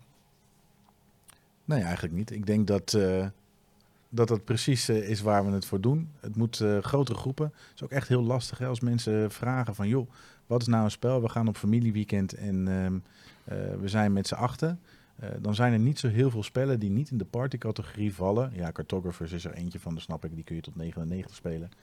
Maar dan zijn er niet zo heel veel spellen te verzinnen. Omdat, en dat is natuurlijk ook eentje waarom dat zo is. Als je een wingspan met z'n zessen doet, zoals nu met eh, Azië erbij kan, hè, dan duurt het ook weer veel en veel langer. Zeker als het in beurtvolgorde gaat. Dus dat is voor de wat diepere spellen ook moeilijk haalbaar. Eh, dus ja, voor mij staat de lol voorop. En ik denk dat dat ook gewoon de sleutel moet zijn in eh, hopelijk onze beide top 3's. En waarschijnlijk ook eh, hebben wij veel lol gehad met de spellen die we, waar we het nu over gaan hebben. Ja, maar toch is het wel interessant waarom ik dan heel veel weerstand ervaar op dit onderwerp. Want eigenlijk heb je het over nou, met veel mensen, lol, spelersinteractie staat voorop. En ik, en ook bijvoorbeeld onze trouwe luisteraar Guido, die heeft zoiets van, weet je wel, speel daar niet. Ehm, maar misschien heeft dat dus ook te maken met de verwachting waarin je dus zo'n avond ingaat. En ik kan me dus voorstellen, en ik heb dat toevallig afgelopen vrijdag mee geëxperimenteerd, ook naar aanleiding van deze podcast, dat dus als ik de verwachting wegzet, dus even aan de kant schuif van ik wil dus een inhoudelijke puzzel met elkaar gaan oplossen of hè, in ieder geval die strijd met elkaar aangaan, maar ik ga me even puur richten op de spelersinteractie en laten we vooral een leuke tijd hebben, dan is dat oké. Maar 9 van de 10 keer heb ik die behoefte minder, want dat kan je ook op andere manieren doen. Je kunt ook gewoon met je vrienden gewoon eh, een biertje drinken en lekker ouwe hoeren en goede verhalen vertellen, heb je eigenlijk bijna hetzelfde. Dus, Klopt, dus ik kies toch vaker dan dat ik denk van ik wil echt, echt even iets op tafel leggen waarin we met z'n allen echt even iets gaan beleven. In plaats van die interactie, want die is er anders toch ook wel. Maar ik heb er ook wel dus eh, afgelopen vrijdag, eh, nou ik kan het even vertellen, ik heb toen, eh, nadat we wel eerst een diepgaand spelletje hebben gespeeld, hebben we Angry Raccoons, nou hij, is al vaak genoemd in de podcast van Remco, hebben we gespeeld. En ja, dat is ook zo'n spelletje waar eigenlijk de spelersinteractie staat dik voorop, want je bent elkaar alleen maar naaien. En ja, het was wel echt hilarisch en ik heb een hartstikke leuke tijd gehad. Eh, volgens mij met een battle om één raccoon, hè, die moet je dan proberen te vangen, hadden ik en eh, nou Henk, waarmee ik dat eh, onder andere speelde, hadden we altijd al zes blauwe bierkaarten opgegooid, elkaar helemaal af te troeven. Terwijl Hans, die daar vervolgens nog met zijn raccoon zat van, nou mooi, jullie elkaar helemaal afgeslacht. Hè? Dus speltechnisch was het totaal niet handig wat we deden. Maar de interactie was gewoon lachen, gieren, brullen. En dat is dan oké, snap je? Ja, eh, de verwachtingspatroon. Hè? Eh, dat, eh, ik denk dat dat een hele belangrijke is. Want als je naar Guido kijkt, eh, hij reageert altijd uitgebreid. Hij had ook een foto ingestuurd voor onze winactie. Eh, het is een kerel die wel van lol houdt. Ja. In ieder geval heeft hij zelfspot. eh, en ehm, gaat hem niet eh, zo snel iets te ver volgens mij. Dus eh, kijk nog maar naar de foto die hij ingestuurd heeft. maar nee, dus lol moet hij wel hebben. Dus eh, eh, Guido, ehm, misschien moeten we gewoon een keertje lol trappen met elkaar. Als je een keer in Nederland bent, in, de- ergens in het midden van het land, dan eh, laat Jelle en mij het maar weten. Dan eh, leggen we wel een partyspelletje op tafel. En ik wil je een klein stukje achtergrondinformatie vertellen. Ehm Codenames, een, eh, wat mij betreft partyspel, omdat die eh, met een grote groep gaat. Het is wel een wat serieuzer spel, omdat je natuurlijk weinig communicatie hebt. Maar toch valt hij voor mij in de party. Ehm, want je team tegen team, je krijgt een beetje competitiegevoel. Ik kreeg die opdracht om dat spel te vertalen toen die uitkwam. En heel eerlijk, ik kreeg de documenten daarvan binnen en ik dacht, hier, wat een prutspel. Totdat ik klaar was met de vertaling. Toen dacht ik, oh, maar wacht eens even. Dit kan leuk zijn, want je gaat elkaar een beetje leren kennen. Want je, je, je gaat toch een beetje leren hoe mensen denken. Voor mensen die codenames niet kennen. Je mag een woord en een cijfer als hint geven. Je hebt een grid van 25 woorden op tafel liggen. En je geeft een hint met een, een enkel woord en een cijfer. Bijvoorbeeld citroen 3. Wat ik daarmee zeg als spymaster, er liggen drie woorden op tafel die voor mij met citroen te maken hebben. Ja, ga dan maar eens kijken hoe mensen in elkaar steken en welke, welke connecties ze maken. En vooral de analyse nadat een potje voorbij is, vind ik altijd het grappigst van... Hoe kun je nou in godesnaam zeester aan de citroen koppelen, Luc? Nou, dat kan ik ook trouwens niet. Maar er komen zulke, zulke gekke dingen naar voren. En toen ik klaar was met die vertaling, dacht ik, wacht even, dit spel heeft wat. Nou, dat blijkt ook, want het is echt een van de best gewaardeerde partyspellen online. Ik probeer nu wel, mijn hoofd gaat dan nu gelijk denken hoe jij inderdaad eh, citroen aan een zeester kan linken. Niet, niet, niet. Nou, het zou kunnen dat eh, als je op een zeester stapt, die prikken toch of niet? Word je zuur van? Nou, dan moet je dan toch wel vaak overheen plassen. Nee, dat is een kwal. Oh, dat is een kwal. Ik Ja. zeggen, want dat heeft dan weer een zuurgraad. Zuurgraad zit ook in eh, urine, maar ook in citroen. Dus is het heel logisch dat jij die combinatie... Ik had hem gelijk gezien. Ja, nou ja, precies. Dus eh, wij zouden heel goed zijn in codenames. Dus, Iedereen die nu denkt, oh, ik ga binnenkort op vakantie, ik word geprikt door een zeester. Wat, gaat er dus niet overheen plassen. Deze informatie was niet correct. nou, volgens mij kan een zeester niet eens prikken.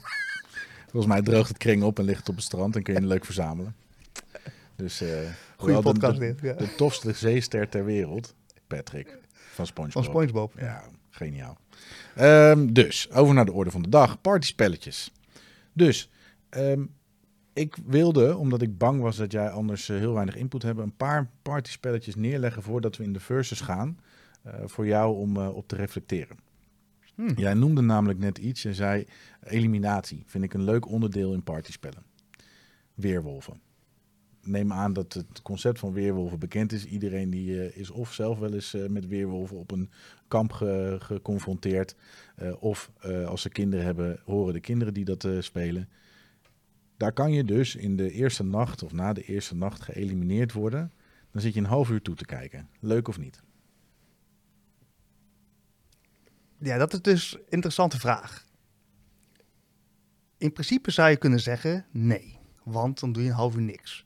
Mijn ervaring met weerwolven is wel dat, overigens kan ik dat dus helemaal niet, hè, want dan, als ik dan de weerwolf ben en je moet alle twee je ogen open doen, zodat je weet wie de weerwolven zijn, dan poest ik het al uit van het lachen. Dus dat is ben echt de meest slechte weerwolf ooit.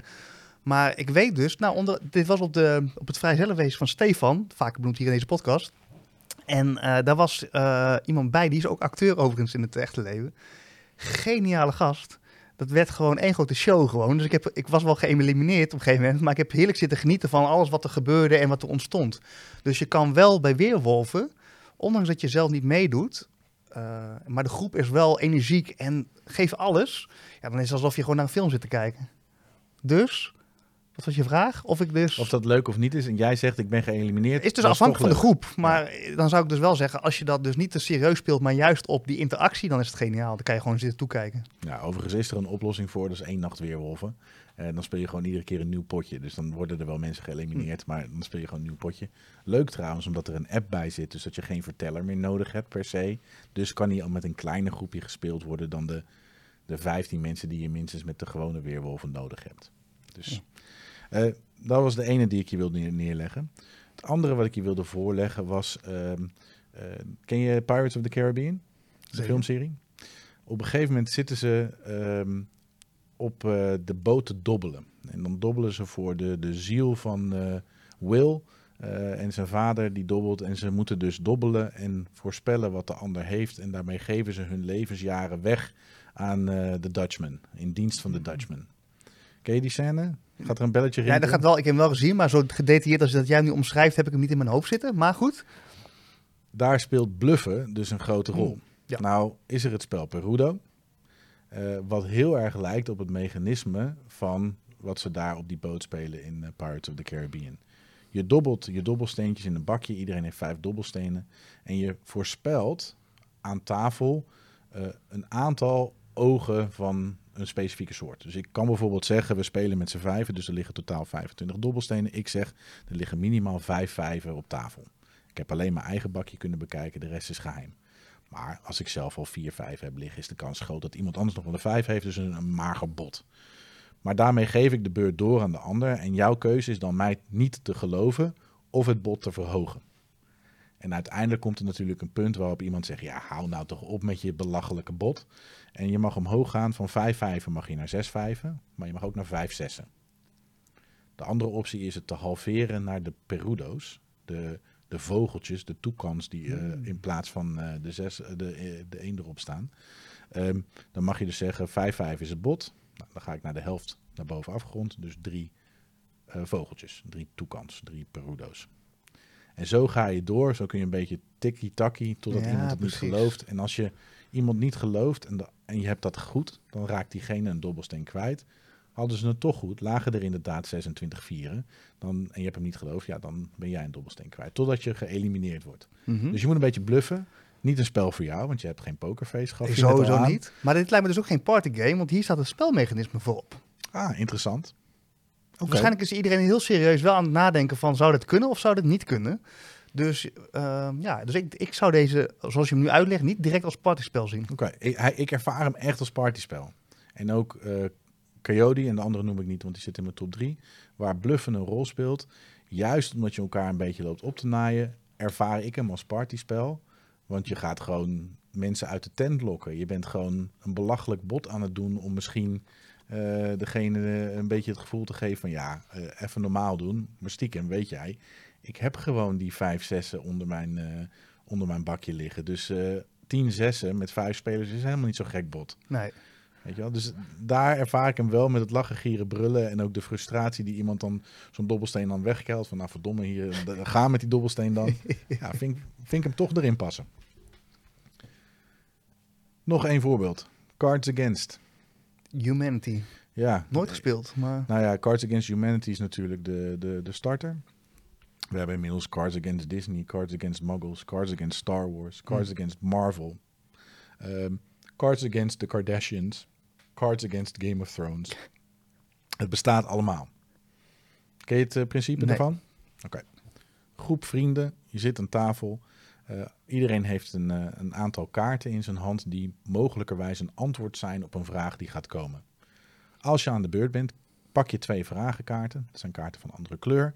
Je leest ze allebei voor jezelf en je kiest er één. Vervolgens lees je die vraag voor aan de groep. En die mogen allemaal een antwoord blind naar jou toeschuiven. Die kaarten schud je. Je leest alle antwoorden voor in de zin. En de grappigste die krijgt de antwoordkaart, die heeft gewonnen. Nou, er zit natuurlijk een bepaalde schunnigheid in, een, eh, bepaalde knipoog. Ehm, zeker in de Cards Against Disney. Dus ehm, ik zeg altijd als mensen vragen van, is dit leuk voor een Disney-fan? Nou, bij Pinocchio groeit niet alleen zijn neus als hij Sneeuwwitje ziet. Dat soort grappen zitten erin. Ehm, zou je dat leuk vinden? Heb jij die humor? Heb je de vriendengroep waarmee je dat zou kunnen spelen? Denk het wel. Ja, ik denk het wel. Zou je het ook, eh, zou je het ook gaan doen? Nou, ik zou dan denken, laten we gewoon niet serieus. Ja, nee, ja. Ik zou niet zo snel spelen, nee. Nee. Ik heb hem getest, eh, een versie bij eh, mijn familieweekend. We proberen dat één keer per jaar te doen. En mijn moeder die zat er met de handen over elkaar bij. Ze speelde mee. En het enige wat ze, ik geloof al vijf of zes keer gezegd heeft, is dit nou grappig? nou, dat. Dus het gaat om de groep die je bij je hebt, waar je elkaar op weet te pakken. Ehm, en er is nog één type die ik wil benoemen. En dat is een spel waarbij je elkaar eh, leert kennen. En Bo noemde dat als commentaar onder YouTube-filmpje Fun Facts. Eh, een partyspel in mijn ogen, want je kunt het met een grote groep doen. En je moet antwoord geven op een vraag. En die, eh, ik geef een voorbeeld. Hoeveel dagen per jaar is het ideale aantal vakantiedagen? Vervolgens heeft iedereen zijn eigen spelersbordje. En die is in de vorm van een pijl. En daar schrijf je met je uitwisbare stiftje op hoeveel vakantiedagen jij ideaal vindt. Die leg je dicht voor je neer. En dan ga je ombeurten, ga je die op volgorde op tafel leggen. Dus ik ben de vragensteller, dus ik lig mijn pijltje als eerste neer. Eh, jij komt daarna en jij mag kiezen, denk ik dat ik meer vakantiedagen terecht vind dan Luc of minder. Vervolgens Hmm. leg je er dus erboven of eronder. En zo ga je de hele tafel rond. En dan mag de vragensteller nog zijn eigen pijltje eventueel op een andere plek leggen. Omdat hij denkt van ja, Jelle denkt wel dat hij eh, minder heeft dan ik. Maar ik weet zeker dat ik er minder heb dan Jelle. En dan ga je ze opendraaien. En hoe groter de reeks van opvolgende antwoorden is, hoe meer punten je scoort. Dus het is coöperatief. Ja. Eh, maar dan ga je elkaar dus goed leren kennen. Want dan heb je, je kan het spelen met mensen die je goed kent, waardoor je het goed kan spelen. Maar je kunt dus ook goed spelen met mensen die je misschien nog niet zo goed kent. En dan kom je ineens hele leuke dingen van elkaar te weten. In mijn ogen een partyspel. Maar dan is vakantie daar misschien niet het juiste voorbeeld. Dat is niet dat ik denk, oh leuk, leuk leuke vraag. Dit, ik doe nog een vraag. nee, nee, maar snap je? Nou, dus nog een voorbeeld. Hoeveel verschillende sporten heb jij in je leven beoefend? Ja. Wat zou, denk je dat je meer of minder sporten in je leven beoefend hebt dan ik? Ja, precies. Dan ga je dat krijgen. Ja, Ja, en, da- en dan is het... hey, joh, Ja, Luc, heb ik, jij... ik heb- meer, want jij bent gewoon al vanaf het begin af aan verzot op honkbal. Dus dat was het. ja, dat, dat zou kunnen. Maar ik heb ook op ballet gezeten. Ja, ik hou Het wordt van- uitgezonden, dat weet je. Ja, dat, dat is helemaal, helemaal oké. Ik hou van basketballen. Ik, ik heb uh, penchaxilat gedaan, weet je. Ik heb alle, allerlei dingen nog erbij gedaan, omdat ik niet stil kon zitten. Dus, maar dan krijg je elkaar dus wel eh, een beetje op tafel. Ja. Maar is, het klinkt niet als heel, heel lacherig of zo. Oké, ik Ja, wist dat je dat ja. ging zeggen. Hoeveel M&M's denk jij dat jij in je mond kan stoppen? Ik denk toch, eh, nou, een stuk of veertig moet wel lukken. Ja, die vraag hadden wij dus echt in dit spelletje zitten. En eh, ehm, toen zei er een hele dappere Bo eh, van der Wart, zei ik kan er wel 120 in mijn mond stoppen. 120. Dus wat deed ik de volgende keer toen we om zafel zitten? Ik had zakken M&M's bij me. En dat had hij ook. Dus we gingen ze gewoon uittellen. En iedereen moest zijn voorspelling gewoon in zijn mouw poppen. Hele leuke filmpjes. En eh, is die 120 gelukt?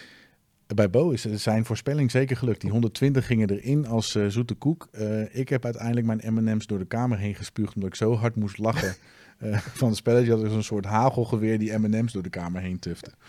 Maar goed, partyspellen. Heel breed, lachen, gieren, brullen staat centraal. Eh, misschien dus af en toe een beetje bluffen of een, eh, een wat samenwerkende spel. En eh, volgens mij moeten we volgens naar de versus gaan. Ja. We are party. Let's go! Wat heb jij meegenomen, Jelle? Nou ja, we hebben vandaag al Robin Hood eh, bij toeval besproken. Maar er is natuurlijk één iemand in dat hele dorp die eigenlijk gewoon een beetje de big boss is. En dat is de sheriff of Nottingham. Die zit in dit doosje. Ja. Gelukkig heb jij hem, want eh, ik was hem vergeten mee te nemen. Ik heb de eerste editie thuis. Dit is de tweede editie, dus qua artwork eh, ziet hij voor mij er net iets anders uit. Goeie vraag overigens of dat is gedaan omdat er spelmechanismen zijn aangescherpt. Of dat ze gewoon dachten, tijd voor een nieuw sausje. Ik weet het niet. Ehm Sheriff of Nottingham. Heb je er ooit wat van gehoord? Ja, je, hebt verkoopt toen, dus waarschijnlijk wel. Ja, een, al een tijdje niet meer hoor. Dus eh, ik moest hem ook zeg maar achteruit het magazijn de demo vissen. Eh, ik heb hem nog nooit gespeeld. Nou, in het kort is het zo. Er is een markt in Nottingham en eh, je gaat dus met z'n allen spelen, maximaal zes personen. En eh, je gaat proberen goederen op die markt te krijgen en daar vervolgens te verkopen. Eigenlijk is het een soort set-collectiespel. Dus je hebt bijvoorbeeld kazen en brood en kippen en nou goed. Alleen, er is één probleempje.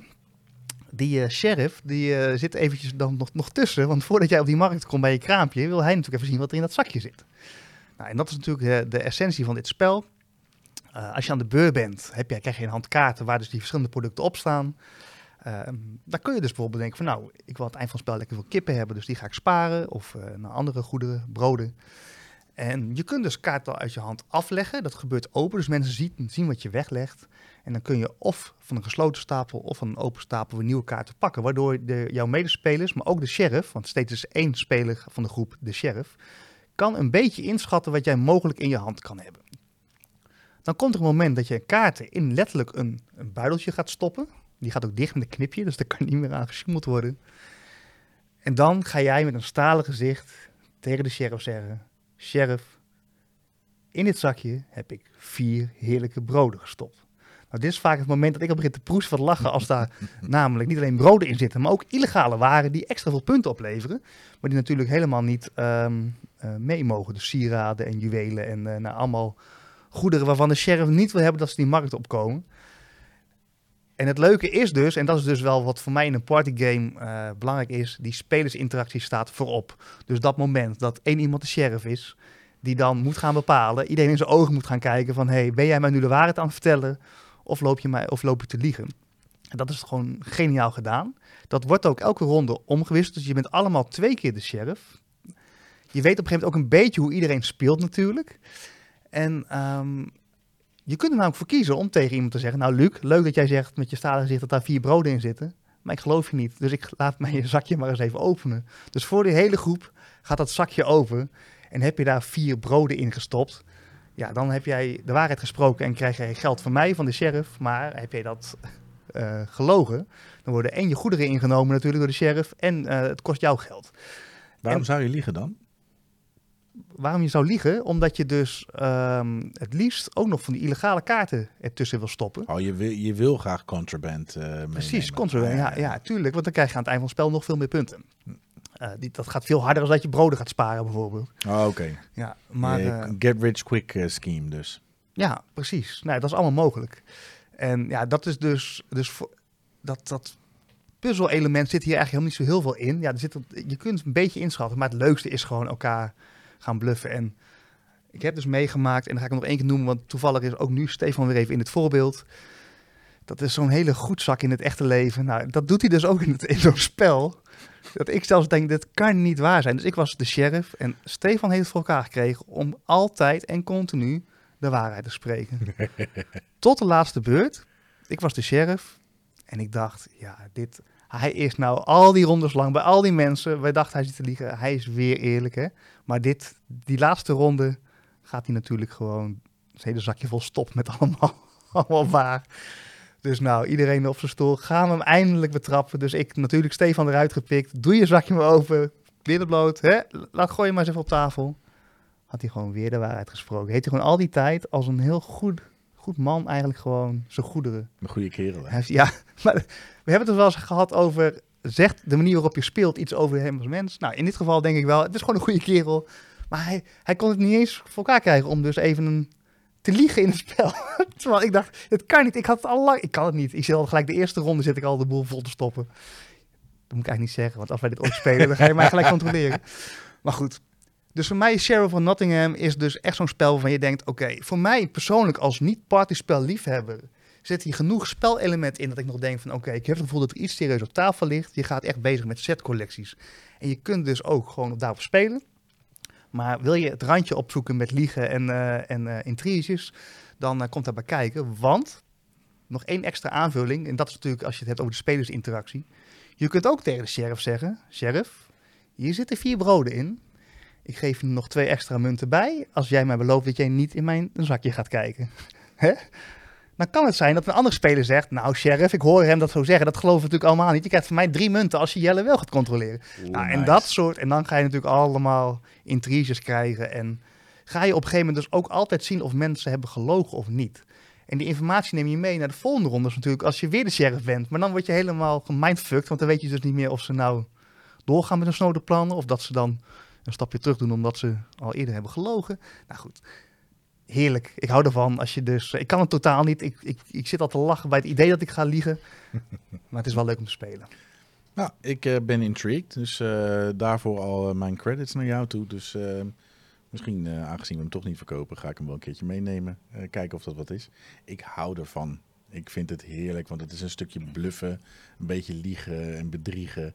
Ehm, en we hadden het erover dat jij eh, misschien wel de theorie naleeft dat het iets zegt over jou als mens. Eh, daar werd eh, op gereageerd hè, onder, onder de vorige aflevering. Het is juist, ik kan voor mij, hè, en volgens mij, ik weet niet meer wie het zei in de commentaren, maar het is voor juist een manier om te kunnen zijn hoe ik niet ben. Hmm, ja. Ik, eh, in het echte leven vind ik het helemaal niet leuk om te liegen en te bedriegen.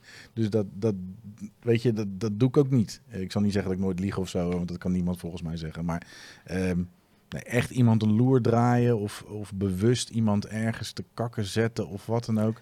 Nee, dat vind ik helemaal niet leuk. Maar als ik speel, ja, precies. ja, echt wel. Maar dan heb je die veilige setting om dat te doen en iedereen ook accepteert dat het mag. In Ja. plaats van dat je echt op de persoon iemand in het echte leven eh, vervelend doet. En een partygame heeft wel die veiligheid om elkaar gewoon even lekker een hak te zetten, compleet te liegen. eh, ja, en dat is natuurlijk wel iets. Ja, dat, dat vind ik dus wel het leuke van zo'n partygame. Ja. Dus als ik die mindset erin ga, ja, dan heb je aan mij wel weer een hele goede. Nou, er zit misschien nog wel een eh, element wat in partygames veelvuldig een rol speelt. En dat is een, een klein beetje het verbloemen, de waas voorhouden van iets. Of het nou hidden roll is. eh, saboteur bijvoorbeeld. Hè? Eh, overigens, eh, Jelle heeft ooit ingebracht, ik moet er ineens aan denken, saboteur. De regenwormen speel ik nu nooit meer zonder smakgeluidjes. Heel als bij iemand een steentje jat. Bij, bij saboteur heeft Jeroen mij ooit iets aangeleerd. Hij, we gingen namelijk een potje saboteur spelen met zeven man. Best een aanzienlijke groep. En hij zei na het uitdelen van de saboteurkaartjes, de, de rol die je toebedeeld krijgt, zei hij, eh, toch gek dat die sab- saboteurs geen broekje aan hebben. Waarop twee mensen aan tafel hun kaart oppakken. En hij denkt, mooi, dat zijn de saboteurs. Geniale truc om mensen uit de tent te lokken of ze de saboteurs Heerlijk, zijn ja. Maar die hidden roll, eh, die zit ook in mijn spel. Ja, ik ben heel benieuwd. Ik heb er nog nooit van gehoord, maar het ziet er wel fascinerend uit. Nee, het is hand-to-hand wombat. Wombat. Er staat ook gewoon op het doosje Party party, game. game. Dus ik dacht, die kan niet missen, die wil ik inbrengen. En er zit ook een verhaal achter, want we hebben hem gespeeld met een groepje mensen. Ehm, Hand-to-hand wombat is eigenlijk heel simpel. Je hebt een slechte wombat en je hebt goede wombats. En die strijden tegen elkaar om als eerste drie punten te krijgen. Want laten we even, ik ontbreek je al even. Wat is een wombat ook alweer? Een Voor de wombat is mensen die luisteren, die denken, ja, ja, ik- ja. Een wombat is een Australisch dier. Ehm, ziet er schattig uit, maar kan best wel hard grommen en agressief zijn. En, eh, eh, nou, een, een, een, een specifiek Australisch dier is een wombat. Ik heb ooit gehonkbald voor de wombats in, eh, in de beeld overigens. Eh, dat is niet de reden waarom ik hem pak, maar een dier. En ehm, je wordt of een goede wombat of een slechte wombat. En in de doos zitten eh, eigenlijk een soort bouwwerkjes. Dat zijn eh, drie piramides. Een, je, weet je wel, als, als kinderen 1, 2 zijn, dan gaan ze van die donuts opstapelen hè, op Mhm. volgorde. Zijn, die kunnen ze ook op bijten en zo. Van Fisher Price, dat Ja. soort dingen. Iedereen, denk, eh, denk ik, heeft daarmee gespeeld als klein kind. Eigenlijk is dit hetzelfde principe. Je hebt een plastic torentje en daar gaan in plaats van dat het rondjes zijn, die donuts, gaan daar vierkantjes omheen. En als je die netjes opstapelt, wordt het een perfecte piramide. Maar nu komt het spel. Ehm, je gaat, al die speelstukken worden op tafel geknikkerd, inclusief de, staaf, eh, de, de staafjes. En je moet in de deksel van de doos, moeten die piramides gebouwd gaan worden. Nou, ook nog vrij makkelijk. Maar ja, je moet je ogen dicht doen. En je mag maar één hand gebruiken. De goede wombat probeert de boel te saboteren. Of de, de slechte wombat probeert de boel te saboteren. De goede wombats proberen de torens te maken. Als je twee van de drie goed hebt als goede wombats, krijg je een punt. Heb je ze alle drie goed, dan krijg je twee punten. Voor de slechte wombat is het vice versa. Zijn er twee van de drie torens mislukt, krijg je één punt. Eh, zijn ze alle drie mislukt, krijg je twee punten. En wat gebeurt er nou? Je zet een timer. Iedereen doet zijn ogen dicht en gaat met één hand op tafel rommelen.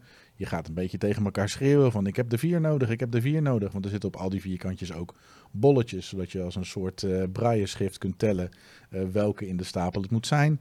Ondertussen houden mensen dingen vast, flikkeren mensen dingen van tafel omdat ze denken die wordt nooit meer teruggevonden. Al dat soort dingen. Je speelt een rondje en aan het einde van de ronde ga je dus iemand elimineren. Net zoals bij Weerwolven, ja jij bent die klote wombat die uh, de boel heeft lopen saboteren. Dus uh, jij mag eruit. Nou, dat wordt een beetje gediscussieerd en dan stemt iemand eruit. Lig je eruit, uh, dan ga je dus observeren wat de rest doet. Want iedereen speelt gelijktijdig. Iedereen speelt tegelijkertijd. Ja, 90 seconden geloof ik, zeg ik uit mijn hoofd, zet je aan. En iedereen moet die torens bouwen. Complete chaos. Uh, er ontstaan bromances, want er is een filmpje gemaakt waarbij ik heel sensueel boos armstreel op zoek naar de vier. uh, weet je, het is allemaal te gek voor woorden. Ontzettend lachen. En wat is nou de crux? Als je dit met een groter groepje speelt, dan zit er ook een confused wombat tussen. Of kan er tussen zitten. Mm.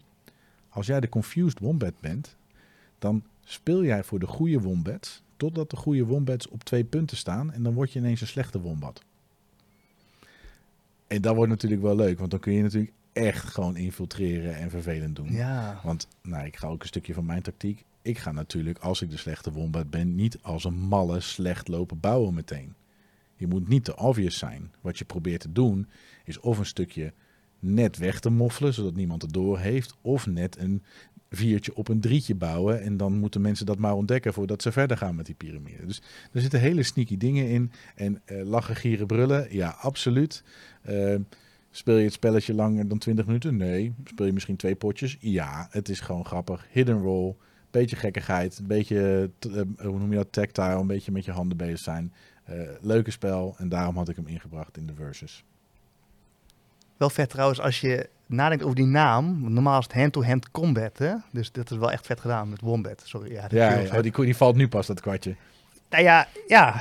nou ja, wel toen je al begon met praten, toen dacht ik van ja, ik vertel hem pas later. Ja. Maar, nee, ik, ik vond hem perfect voor de versus, juist daarom. Ja.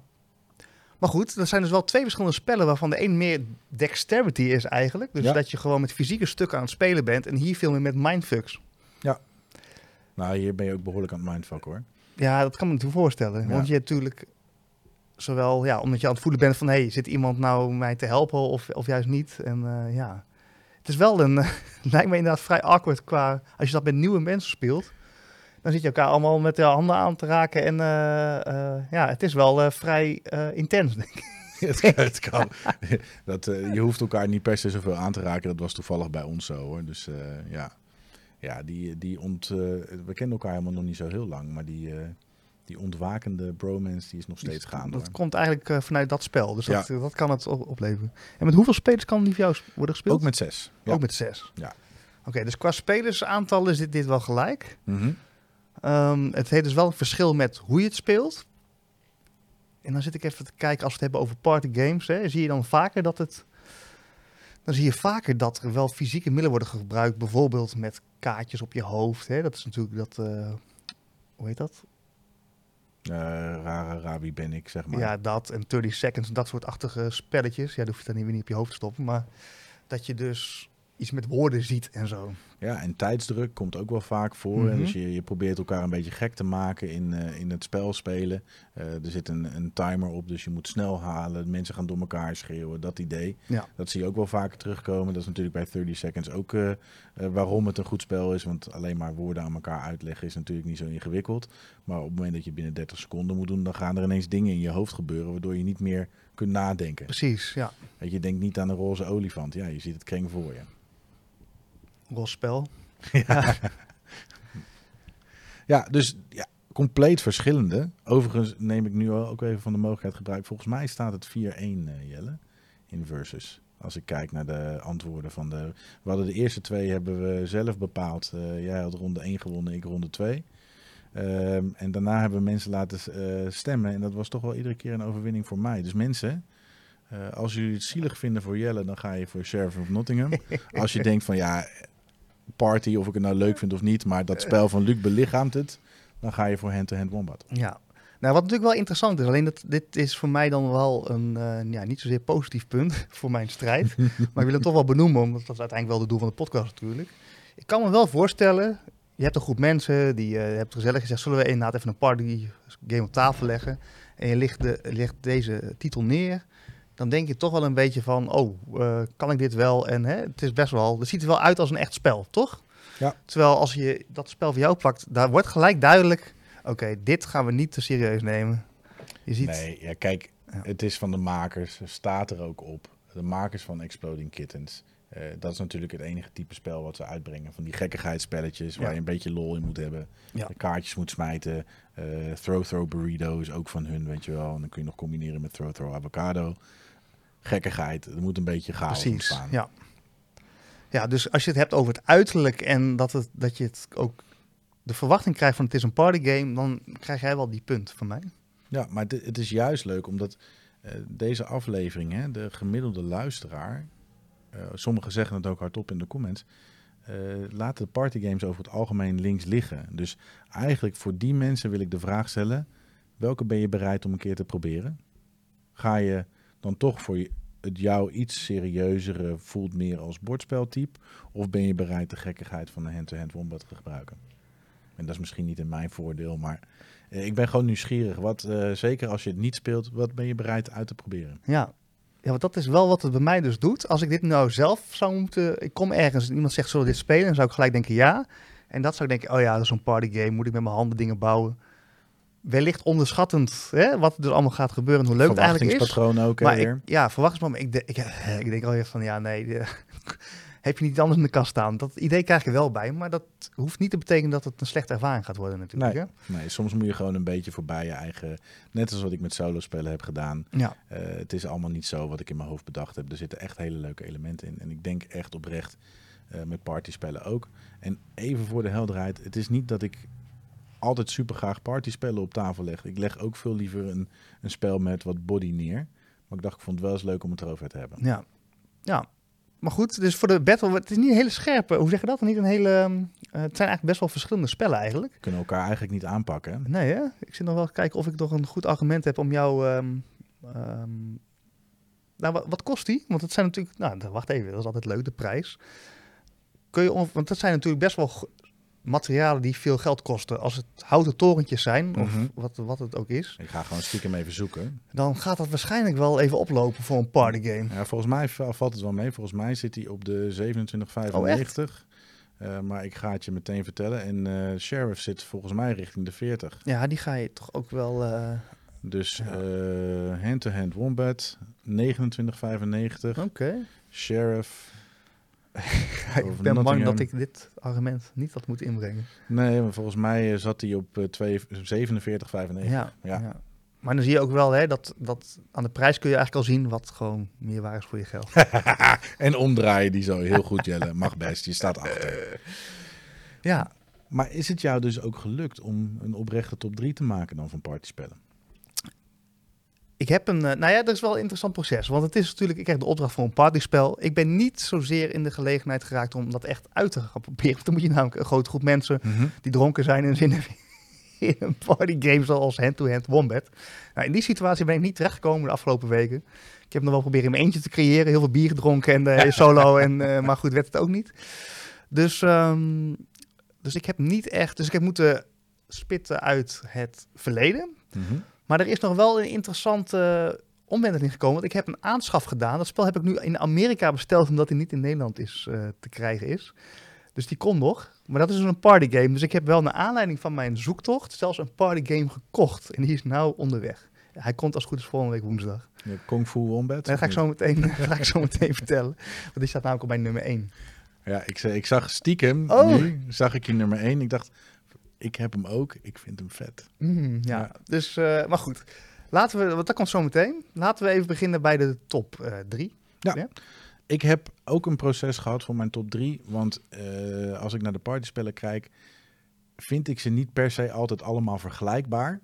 Dus ik heb drie type partyspellen voor mij in de top 3 gegooid. eh, waarbij ik wel de volgorde heb gehaald welke speel ik het liefste. En op nummer 3 staat voor mij Stay Cool. En Stay Cool is een vraag- en antwoord spelletje ehm, van 99 Games in Nederland. Uh, alleen het grote verschil is, je krijgt van twee mensen tegelijkertijd vragen afgevuurd. De ene moet je verbaal beantwoorden en de andere moet je beantwoorden door letterdobbelstenen te gebruiken om het antwoord te spellen. dat zijn dan antwoorden van drie of vier letters. Maar wat gebeurt er? Je wordt eigenlijk gevraagd te multitasken. En je hebt vier keer 30 seconden om dat te doen. En uiteindelijk het aantal punten wat je in de ronde scoort is kaartje 1 vermenigvuldigen met kaartje 2. Kan maximaal 5 punten op een kaartje staan. Dus 25 punten per ronde is het maximale. Dat is het basisprincipe van dat spelletje. Nou, we proberen, hebben dat meerdere keren op een spelavond geprobeerd. Dat kun je dus ook echt met een, een man of 7, 8 spelen. Uh, zeker ook omdat je iemand verantwoordelijk maakt voor de tijd, et cetera, et cetera.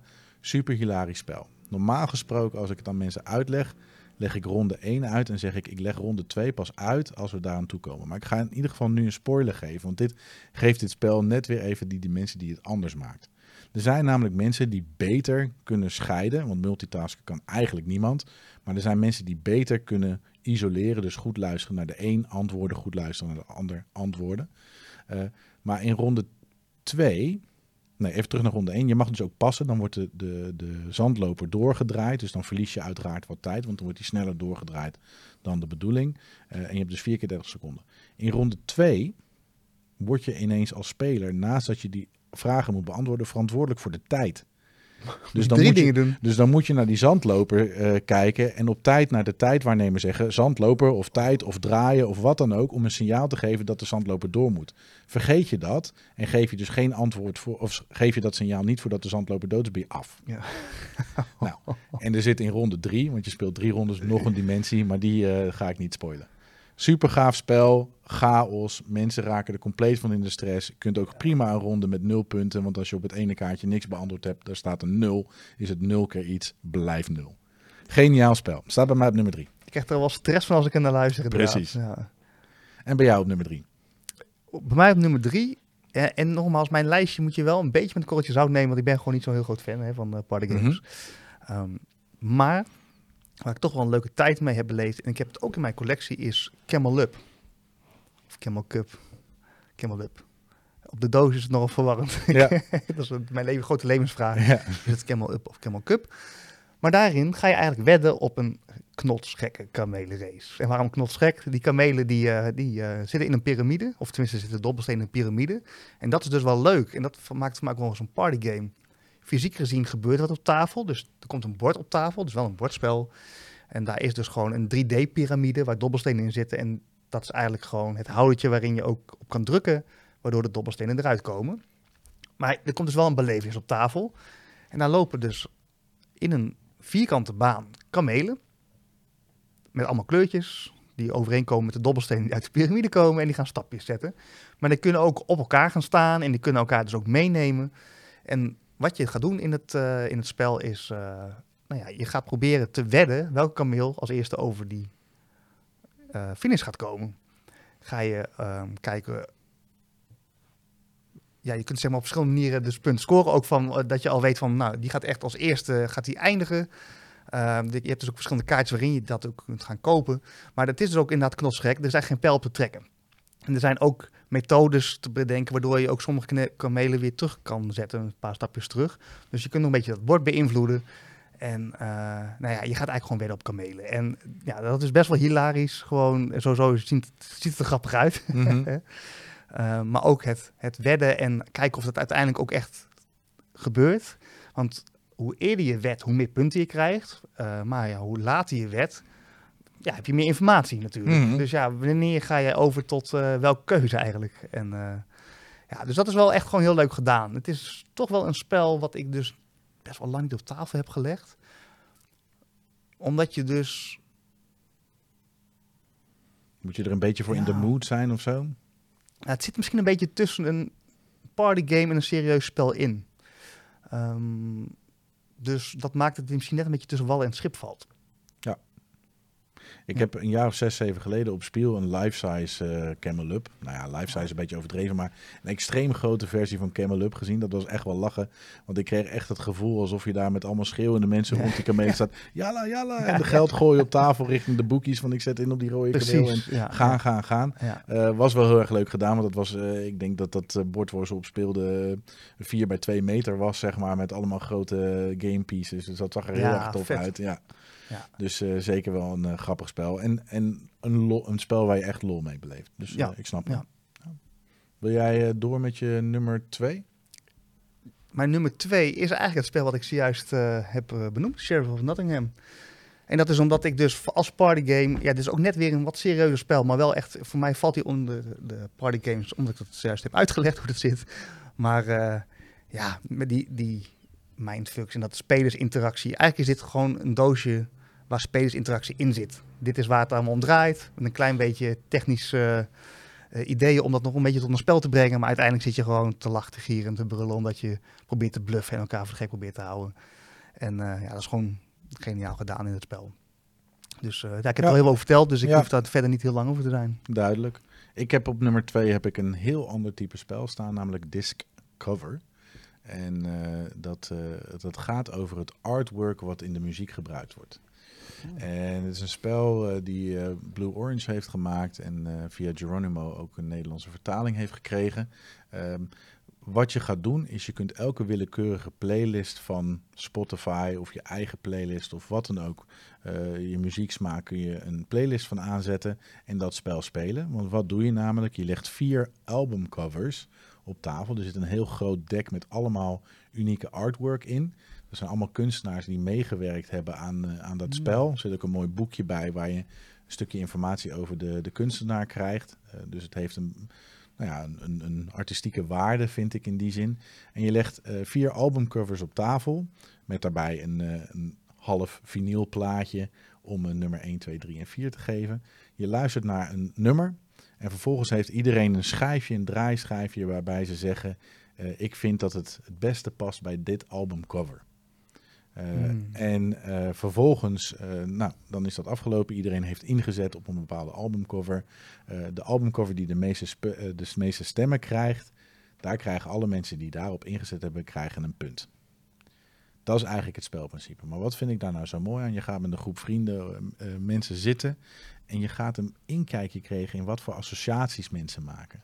Want het is natuurlijk geen albumcover waar een John Lennon met zijn hoofd op staat. Nee, het is een albumcover waar je allerlei verschillende dingen kunt zien. You know, art is in the eye of the beholder. Dus hoe wij Mhm. allebei naar een mooi schilderij kijken, helemaal als dat wat abstracter is, dan gaan wij hele verschillende dingen zien, voelen en ervaren. En dat doen we ook met muziek. Want jij kan bijvoorbeeld helemaal warm worden van een bepaald nummer, wat mij niet zoveel doet en vice versa. Dus dat heeft ook invloed op welke albumcover ik kies. Dus je krijgt best wel hele mooie gesprekken over wat mensen horen in de muziek en zien in de Mm. art. En daarom heb ik deze disc cover eh, op nummer 2 gezet. En ik moest er ook heel erg aan denken. ehm, twee weken geleden, anderhalve week geleden, was ehm, RTV Utrecht bij ons in de winkel. Eh, de radiokant eh, daarvan. En ehm er was een reporter, het was de week van de 70s, en die kwam vragen naar de bordspellen uit de jaren 70 en wat er nu nog van leeft. En de link met muziek. Dus toen kregen we het daarover. Eh, een ander voorbeeld, Hitster is nu heel populair van Jumbo. Eh, dat gaat meer over de chronologie van muziek. Dus die is echt gericht op de muziek en deze is gericht op de art. Allebei noemenswaardig, maar Discover bij mij op twee. Het is wel interessant dat jouw spellen toch vaak de. de ja, met zich meebrengen dat je elkaar beter leert kennen. Dat, dat heb je al een paar keer gezegd bij verschillende spellen. Dus blijkbaar vind jij toch wel belangrijk in zo'n partygame dat je op een bepaalde manier elkaar net iets beter leert kennen. Vind ik wel een leuke gewaarwording Ja. eigenlijk. Ja, dat, dat klopt. Ik denk dat dat wel klopt, die conclusie. Ik vind het. eh, je maakt. ehm, je kunt op zoek gaan naar een wat diepere connectie met mensen. Ja. Met spellen. En dat kan ook met de andere spellen. Hè? Dat, eh, ehm, gewoon de manier van samenkomen. Wat voor mij echt hetgeen is waarom bord, bordspellen zo tof zijn. Ja, dat vind ik een fijn eh, element ervan. Ja. Ja, en die zie ik in partyspellen terug. Houden we nog een nummer 1 over? Jij hebt hem in Amerika moeten bestellen. Eh, mijn nummer 1 is, eh, had ik nooit van gehoord, tenzij een van mijn studenten dit niet aan mij had voorgelegd. Dus eh, we hebben twee grappige spellen, denk ik, op nummer 1. Wil je beginnen? Wil je als tweetst? Ga, vertel maar, ik ben wel benieuwd wat jij hebt. Op de hogeschool um, hebben we een aantal keren een bordspellenavond georganiseerd. Um, en ik werk op de lerarenopleiding en voornamelijk voor de lerarenopleiding Engels. En wij hebben veel bordspelliefhebbende docenten. Bordspellen hebben ook een heel erg educatief uh, karakter. Uh, ik geef bijvoorbeeld workshops om gamification op tafel te doen. Hè. We, we, hebben de laatste jaren in onderwijsland veel over gamification met daarbij uh, websites of apps en dergelijke. En ik zeg, die socialisatie is ook belangrijk. En ik kan vooral in het vreemde talenonderwijs heel veel spellen bedenken die je als docent kan inzetten om te gebruiken. Dat is even mijn, uh, mijn pitch voor waarom mensen daarover na moeten denken. Maar op die bordspellenavond uh, had ik gewoon vanuit Koning Bordspel een tas meegenomen met allemaal demospellen. Jongens, ga maar los. En aan het eind van de avond zaten daar een groepje studenten zaten een spelletje te spelen. En ik ben aangesloten, of ze zeiden sluit aan, want je kon dat met een aantal mensen spelen. Uh, en dat heette Skull. En uh, Skull schijnt een oud Scandinavisch spel te zijn. En het is eigenlijk, voor mij kreeg ik de ervaring van Carrot in the Box. Ik weet niet of je daar ooit van gehoord hebt. Dat is met een Engels tv-programma ooit een dingetje geweest. Je zet twee mensen tegenover elkaar. Eén uh, daarvan mag in de doos kijken. En een van de twee dozen heeft een carrot en de andere niet. En ik kijk in die doos. Ik zie dus of er een wortel in zit of niet. En ik zeg tegen jou, ik wil mijn doos houden of nee, ik wil mijn doos ruilen. En jij moet bepalen of je wil ruilen of wil houden. Hmm. Dus ik probeer jou te overtuigen dat die wortel in mijn doos zit of juist niet. En een complete mindfuck ontstaat er, want er is geen pijl op te trekken. Het is 50% kans. Wat ik ook zeg, je denkt me te kunnen lezen. Het werkt niet. En Skull werkt ook een beetje zo. Je hebt namelijk een soort bierviltjes. En om de ronde te starten legt iedereen een van zijn bierviltjes gedekt op zijn tableau. Je hebt drie bloemen en één skull. Vervolgens ga je om beurten of een viltje toevoegen of een bod uitbrengen over hoeveel bloemen jij denkt om te draaien. Als ik bijvoorbeeld, we hebben een aantal viltjes neergelegd, zeg ik, nou, ik wil wel vijf bloemen omdraaien. Uh, jij zegt, nou, ik wil er wel zes. Ik zeg zeven. Nou, iemand anders mm -hmm. zegt acht. Zo gaan we door. Um, je moet je altijd beginnen met je eigen bloemen omdraaien. Dus je eigen viltjes moeten eerst omgedraaid worden om uiteindelijk aan de opdracht te voldoen. Als ik een openingsbod doe, geef ik het signaal af dat ik dus bloemen heb liggen. Want anders, je wil niet draaien als je die skull hebt neergelegd bij jezelf, want dan ga je sowieso af. Die skull, zeg maar, de, die wil je niet hebben? Nee, die wil je niet draaien. En uh, zo ga je een beetje mindfuck-achtig met elkaar aan de slag. Met als doelstelling heel simpel, twee keer het aantal bloemen draaien dat je voorspeld hebt. Hmm. Dan heb je al gewonnen namelijk. En je krijgt best een hele leuke dynamiek. En ik moet er ook nog even bij zeggen, uh, dat spel was op dat moment moeilijk verkrijgbaar. Wat kreeg ik bij het afstuderen van deze uh, student? Zijn versie van het spel. Vet, ja. Dus daarom staat hij bij mij op nummer 1. Volgens mij is dat ook een spel wat in een serie wordt gespeeld. Of in een film. Met vikingen en zo. Zou heel goed kunnen. Ja. ja. Dat die daarom ook slecht verkrijgbaar was, omdat hij best wel populair is dat, geweest. Dat zou goed kunnen ja, hoor. Ja. Nou, zijn, zijn versie die hij mij gegeven was ook goed gespeeld. Mm. Daar was echt duidelijk te zien dat daar heel veel plezier van, wa ja, van, uh, van was. Dat ze van hebben gehad. En voor mij een, een terechte kandidaat in mijn top 3. En in deze drie spellen staat hij voor mij bovenaan. Het is wel echt grappig dat jij echt totaal andere spellen hebt als wat ik had verwacht toen jij zei we gaan het over partygames hebben. Dus ik had uh, veel meer in de categorie van uh, raad de drol op mijn hoofd en uh, dat soort ezeltje, prikje, weet ik veel. Ja. ja dat zijn voor mij dan kinderspellen. Ja, oké. Okay. Ja. Maar dus, er zit best wel, als we het nou vandaag een beetje samenvatten, best wel veel diepgang nog wel ook nog wel in partyspellen en verschillende lagen dus. Ja, ja. het is niet alleen maar gekkigheid. gekkigheid is een onderdeel ervan. Ja. maar ja, Mooi. mechanisme is bazaal, leuk. En welke staat bij jou op nummer 1? Ja, ik had dus niet verwacht toen jij zei uh, een maand geleden, we gaan het over partygames hebben, dat het zou resulteren dat ik een aanschaf zou doen in Amerika voor een partygame. Maar het is wel een spel wat ik al langere tijd um, zoek. En ik heb zelfs van mij een van onze eerste ontmoetingen nog in jullie oude winkel, heb ik al een keer gevraagd hè, of jullie hem hadden. En toen hadden jullie hem ook niet, want hij is bijna nergens meer te krijgen. Nee, Nine Nine is gestopt met hem uitgeven. Ja, en het is um, Helapagos. Helapagos, Helapagos. Wat is het nou? ja, Volgens mij is het Helapagos, Helapagos inderdaad. Ja, en alleen het, het bizarre is dus, ik heb dit spel dus nog niet gespeeld, jongens. Dus het staat op nummer 1, maar ik weet uit de grond van mijn hart dat ik dit een geniaal spel vind. Ik heb ook overigens, en dan komt hij nog een keer, Bastiaan Nox heeft een filmpje waarin ze met z'n vieren dit spel spelen. Dus ik heb wel gezien hoe de spelersdynamiek is. eh, als je dit spel met z'n vieren speelt. Maar het zit even in het kort zo. Er is een on- onbewoond eiland. Daar kom je met z'n allen op. Met de groep waarmee jij aanwezig bent. En je wil eigenlijk weer van het eiland af. Dus het is in principe een samenwerkingsspel. Want je wil elke ronde genoeg water hebben. Genoeg voedsel.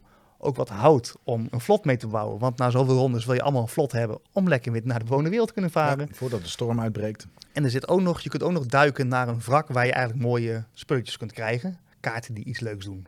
Ja. Of iets slechts. Of iets, nou ja, alle, allemaal leuke dingen. Dat zijn eigenlijk maar de vier acties die je kunt doen. Dus het is niet een heel moeilijk, diepgaand spel. En je besluit met elkaar, hè, Luc, jij zegt bijvoorbeeld van, nou, ik ga zorgen voor het water.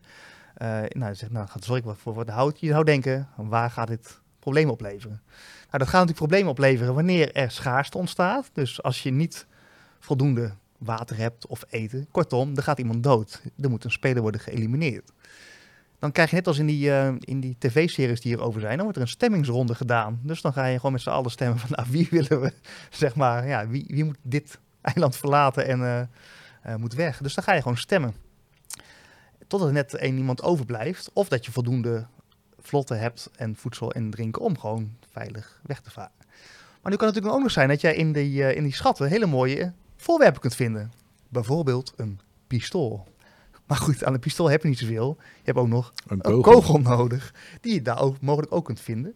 Dus je gaat ook krijgen dat je kunt zeggen van nou, ehm, eh, we zitten hier met eh, Pietje, die speelt ook mee. En Luc, jij hebt die kogel, ik heb het pistool. We hebben te weinig water. We kunnen dit heel makkelijk oplossen, dit probleem, als wij even gaan samenwerken. Geef mij je kogel, schiet ik Pietje wel af. Precies. Maar Ja, wacht, Pietje heeft een metalen plaat waardoor de kogel afketst. Kan ook nog, hè? Ja. Of, of bijvoorbeeld ook als je gaat stemmen, dat je dan, eh, eh, omdat je te weinig water hebt, dat er iemand misschien nog wel een kaart heeft met een flesje water daarop. Die wordt misschien weggestemd, maar die kan zeggen: Hé hey jongens, sorry, maar ik heb toch mijn flesje water. Kijk, ik heb hem hier, ik drink hem op, dus ik blijf hier toch. En ik weet wel wie mijn vrienden zijn. Ja, nou ja, nou ja, jij in ieder geval niet, want jij hebt hufterig dat flesje water achter de hand gehouden. Ja, nou ja, dit soort, en dit wordt dus Oh, lachen, ja, dit ja. soort gesprekken. En ik heb het dus niet gespeeld, maar ja, dit, ik, dit, dit vind ik fantastisch. Dit vind ik, ja, Ja, ik, ik heb hem meermaals gespeeld. Ik ben ook wel eens afgeschoten in het spel. Eh, Dharma, een, eh, een, ehm, een zaak hier in Amersfoort, eh, heb ik wel eens een spelletjesavond gedaan. En daar heb ik hem ook mee naartoe genomen. Omdat je dan met een team van mensen waarmee je samenwerkt dit spel moet spelen. ja, Goed voor teambuilding ook, want je kunt er echt wel een beetje wat leuke dingen uithalen. Het is een geniaal. Ik snap niet, 9 waarom zijn jullie gestopt met deze te drukken? ja, Was het te duur? Verliep de licentie? Ik vraag het me echt af, want ik heb er zo vaak nog vraag naar. Ik, volgens mij, hè, eh, dit week eigenlijk bijna zeker, hebben ze hem stiekem nog wel de laatste restjes op de outlet sale verkocht eh, de afgelopen Ah, dat keer. zou kunnen, ja. Eh, waar ik niet blij mee ben, want ik had ze graag in de winkel willen hebben. Maar ja, ik vind het echt een tof spel. Ook een spel die je met een leuke, goede, good size groep kan spelen. Dus ik snap dat jij hem in deze lijst hebt. ja. En ik heb hem dus gekocht en het is wel grappig. want Ik dacht eerst, oh mooi, ik had dus een, op een, een of andere Amerikaanse site de Big Box gevonden met de twee uitbreidingen erin. Waarin je ook een karakter bent en er komen nog wat eh, nou, extra onderdelen bij. Dus die komt mijn kant op. 45 dollar nou, of euro. Ja, uiteindelijk. Nou, dus maar volgens mij was die in verzending. Ja, inclusief. Dus dat vond ik nog redelijk. Ja, eh, volgens mij zat hij eh, rond de drie tientjes in Ja, Nederland. precies. 30, 35. Dus dan, nou, voor, hè, dan kan ik, heb ik in ieder geval toch. Nou, nu Toen kwam ik er wel dat, achter dat die 99 Games versie al automatisch die uitbreiding erin had klopt, zitten. ja. Dus waar ze in Amerika Big Box op hebben staan, stond het hier niet, zat het er wel bij. Dus Klopt, ik dacht ja. eerst even van, yes, ik heb iets wat anderen niet hebben. Dat is helaas niet Nee, zo. er zitten inderdaad twee dekjes eh, met die uitbreidingen Ja. zitten erin. Ja. En nou maar hopen dat eh, de douane niet nog even een, eh een invoerbelastingje vraagt en dat soort dingen. Ja, ja, dat ga ik gaan we achterkomen. Gaan we achterkomen. Maar goed, ehm, ja, dus dat en ja, ik heb hem dus niet gespeeld, maar genoeg over gezien en ik en, en ook dat filmpje van, ja, het is gewoon hilarisch. Het is echt hilarisch. En daarmee kunnen we volgens mij wel samenvatten dat, nou, de spellen die jij hebt uitgekozen vanuit de party games best wel gericht zijn op elkaar beter leren kennen. Ik ben wellicht dan toch, als ik party games ga spelen, wil ik gewoon spelerseliminatie hebben en elkaar gewoon eh, met veel humor en hak kunnen zetten. Dat vind ik, vind ik dan leuk. En als ik er met die insteek inga, dan vind ik het eigenlijk gewoon hartstikke leuk. Ja, en ehm, Zou ik een heel weekend met partyspellen willen vullen? Nee, helemaal niet. Maar vind ik het leuk om af en toe een partyspel op tafel te leggen? Ja. Precies, ja. En ze kunnen eh, verschillende functies dienen. En één daarvan is eventjes de boel opwarmen, even los worden, even lachen, gieren, brullen met elkaar. Of juist nadat je een heel zwaar scenario in Gloomhaven hebt gespeeld, even gekkigheid. Precies, ja. En dan heb je dat klaar en dan wil je gewoon lekker Heat gaan spelen natuurlijk. Ja, bijvoorbeeld. Ja, ja, ja, nee. Er zijn eh, genoeg mooie spellen. Die had je gewonnen. Hè? Ja, ja, dus, ja, eh, precies. Daarom kop ik hem er even in. ja. hey, mooi. Ik had niet verwacht dat we toch nog best wel zo'n goede lijstje zouden krijgen van partygames. Ik ben nog wel nieuwsgierig naar eh, de mensen. Ik bedoel, sowieso willen we dus weten eh, waar gaat jullie voorkeur naar uit als je niet van de party games bent. Welke wil je uitproberen? Sheriff of Nottingham of eh, Hand-to-Hand Wombat. En voor de mensen die wel party spelletjes spelen, ehm, ja, welke raad je ons nog aan om eh, een keer de revue te laten passeren? Eh, je kan ons mailen op kartondepodcast.gmail.com. Hashtag kartondepodcast was trending vorige week of twee weken geleden. Dus mag je vooral blijven doen. Overigens, eh, zoek die geniale foto van Gobby nog even op die onze podcast luistert. Ja, van vet, de? White, White Ja. Goblin Games. Eh, ik heb wel even nagevraagd wie het bokje was om in pak te gaan, maar dat terzijde. Eh nee, benader ons. We vinden het leuk, de interactie. En dan komen we misschien naar het bruggetje, tenzij je nog iets anders hebt. Nou ja, even over die interactie inderdaad. Doe dat eigenlijk vooral even op onze social media kanalen, zodat anderen mee kunnen lezen. Dat is heel leuk. Op YouTube wordt er veel gereageerd, ook op Instagram. Eh, ik zie ook dat mensen inderdaad mailen en dan voel ik toch ook nu weer vaak een beetje dat ik denk, oh, sorry, maar we reageren eigenlijk niet terug op lange e-mails, terwijl we ze wel lezen en heel erg waarderen weer. Ja, absoluut. Maar ook nu, ja, het, sorry jongens, maar we hebben gewoon geen tijd om dat allemaal te, op te reageren met lange berichten terug. Dus nog één keer benoemen, we zien het, we lezen het. Dank daarvoor ook, tof. Alleen we hebben gewoon niet eh, de tijd om dat allemaal nog met eh, nou, net zulke lange berichten terug te sturen. Maar we ontvangen ze zeker, dus Ja. Jij zei net al voor de grap, we moeten een stagiair inhuren. ja, eigenlijk wel, Ja, ja. ja, ja. ja. Eh, als iemand trouwens nog weet eh, wat het kost eh, om ehm, de licentie van muziek te mogen gebruiken als begintune. dus hebben we een advocaat in de zaal, wil ik dat graag weten. Je hebt een nummer in gedachten, hè? Ja, ja zeker. Ja, Je denkt, je gaat hem even zingen, maar... Nee, gaan, we, gaan we niet doen. to beatbox, ja? Nou ja, dus dat. I'm living in the box. I'm living in a cardboard box. Oké jongens, Ja, we zijn lekker. echt aan het einde gekomen. ja. We hebben een thema voor de volgende keer. Jelle zei het al, we gaan hem pas eh, begin september opnemen. Eh, dus eh, verwacht hem pas de tweede week van september online.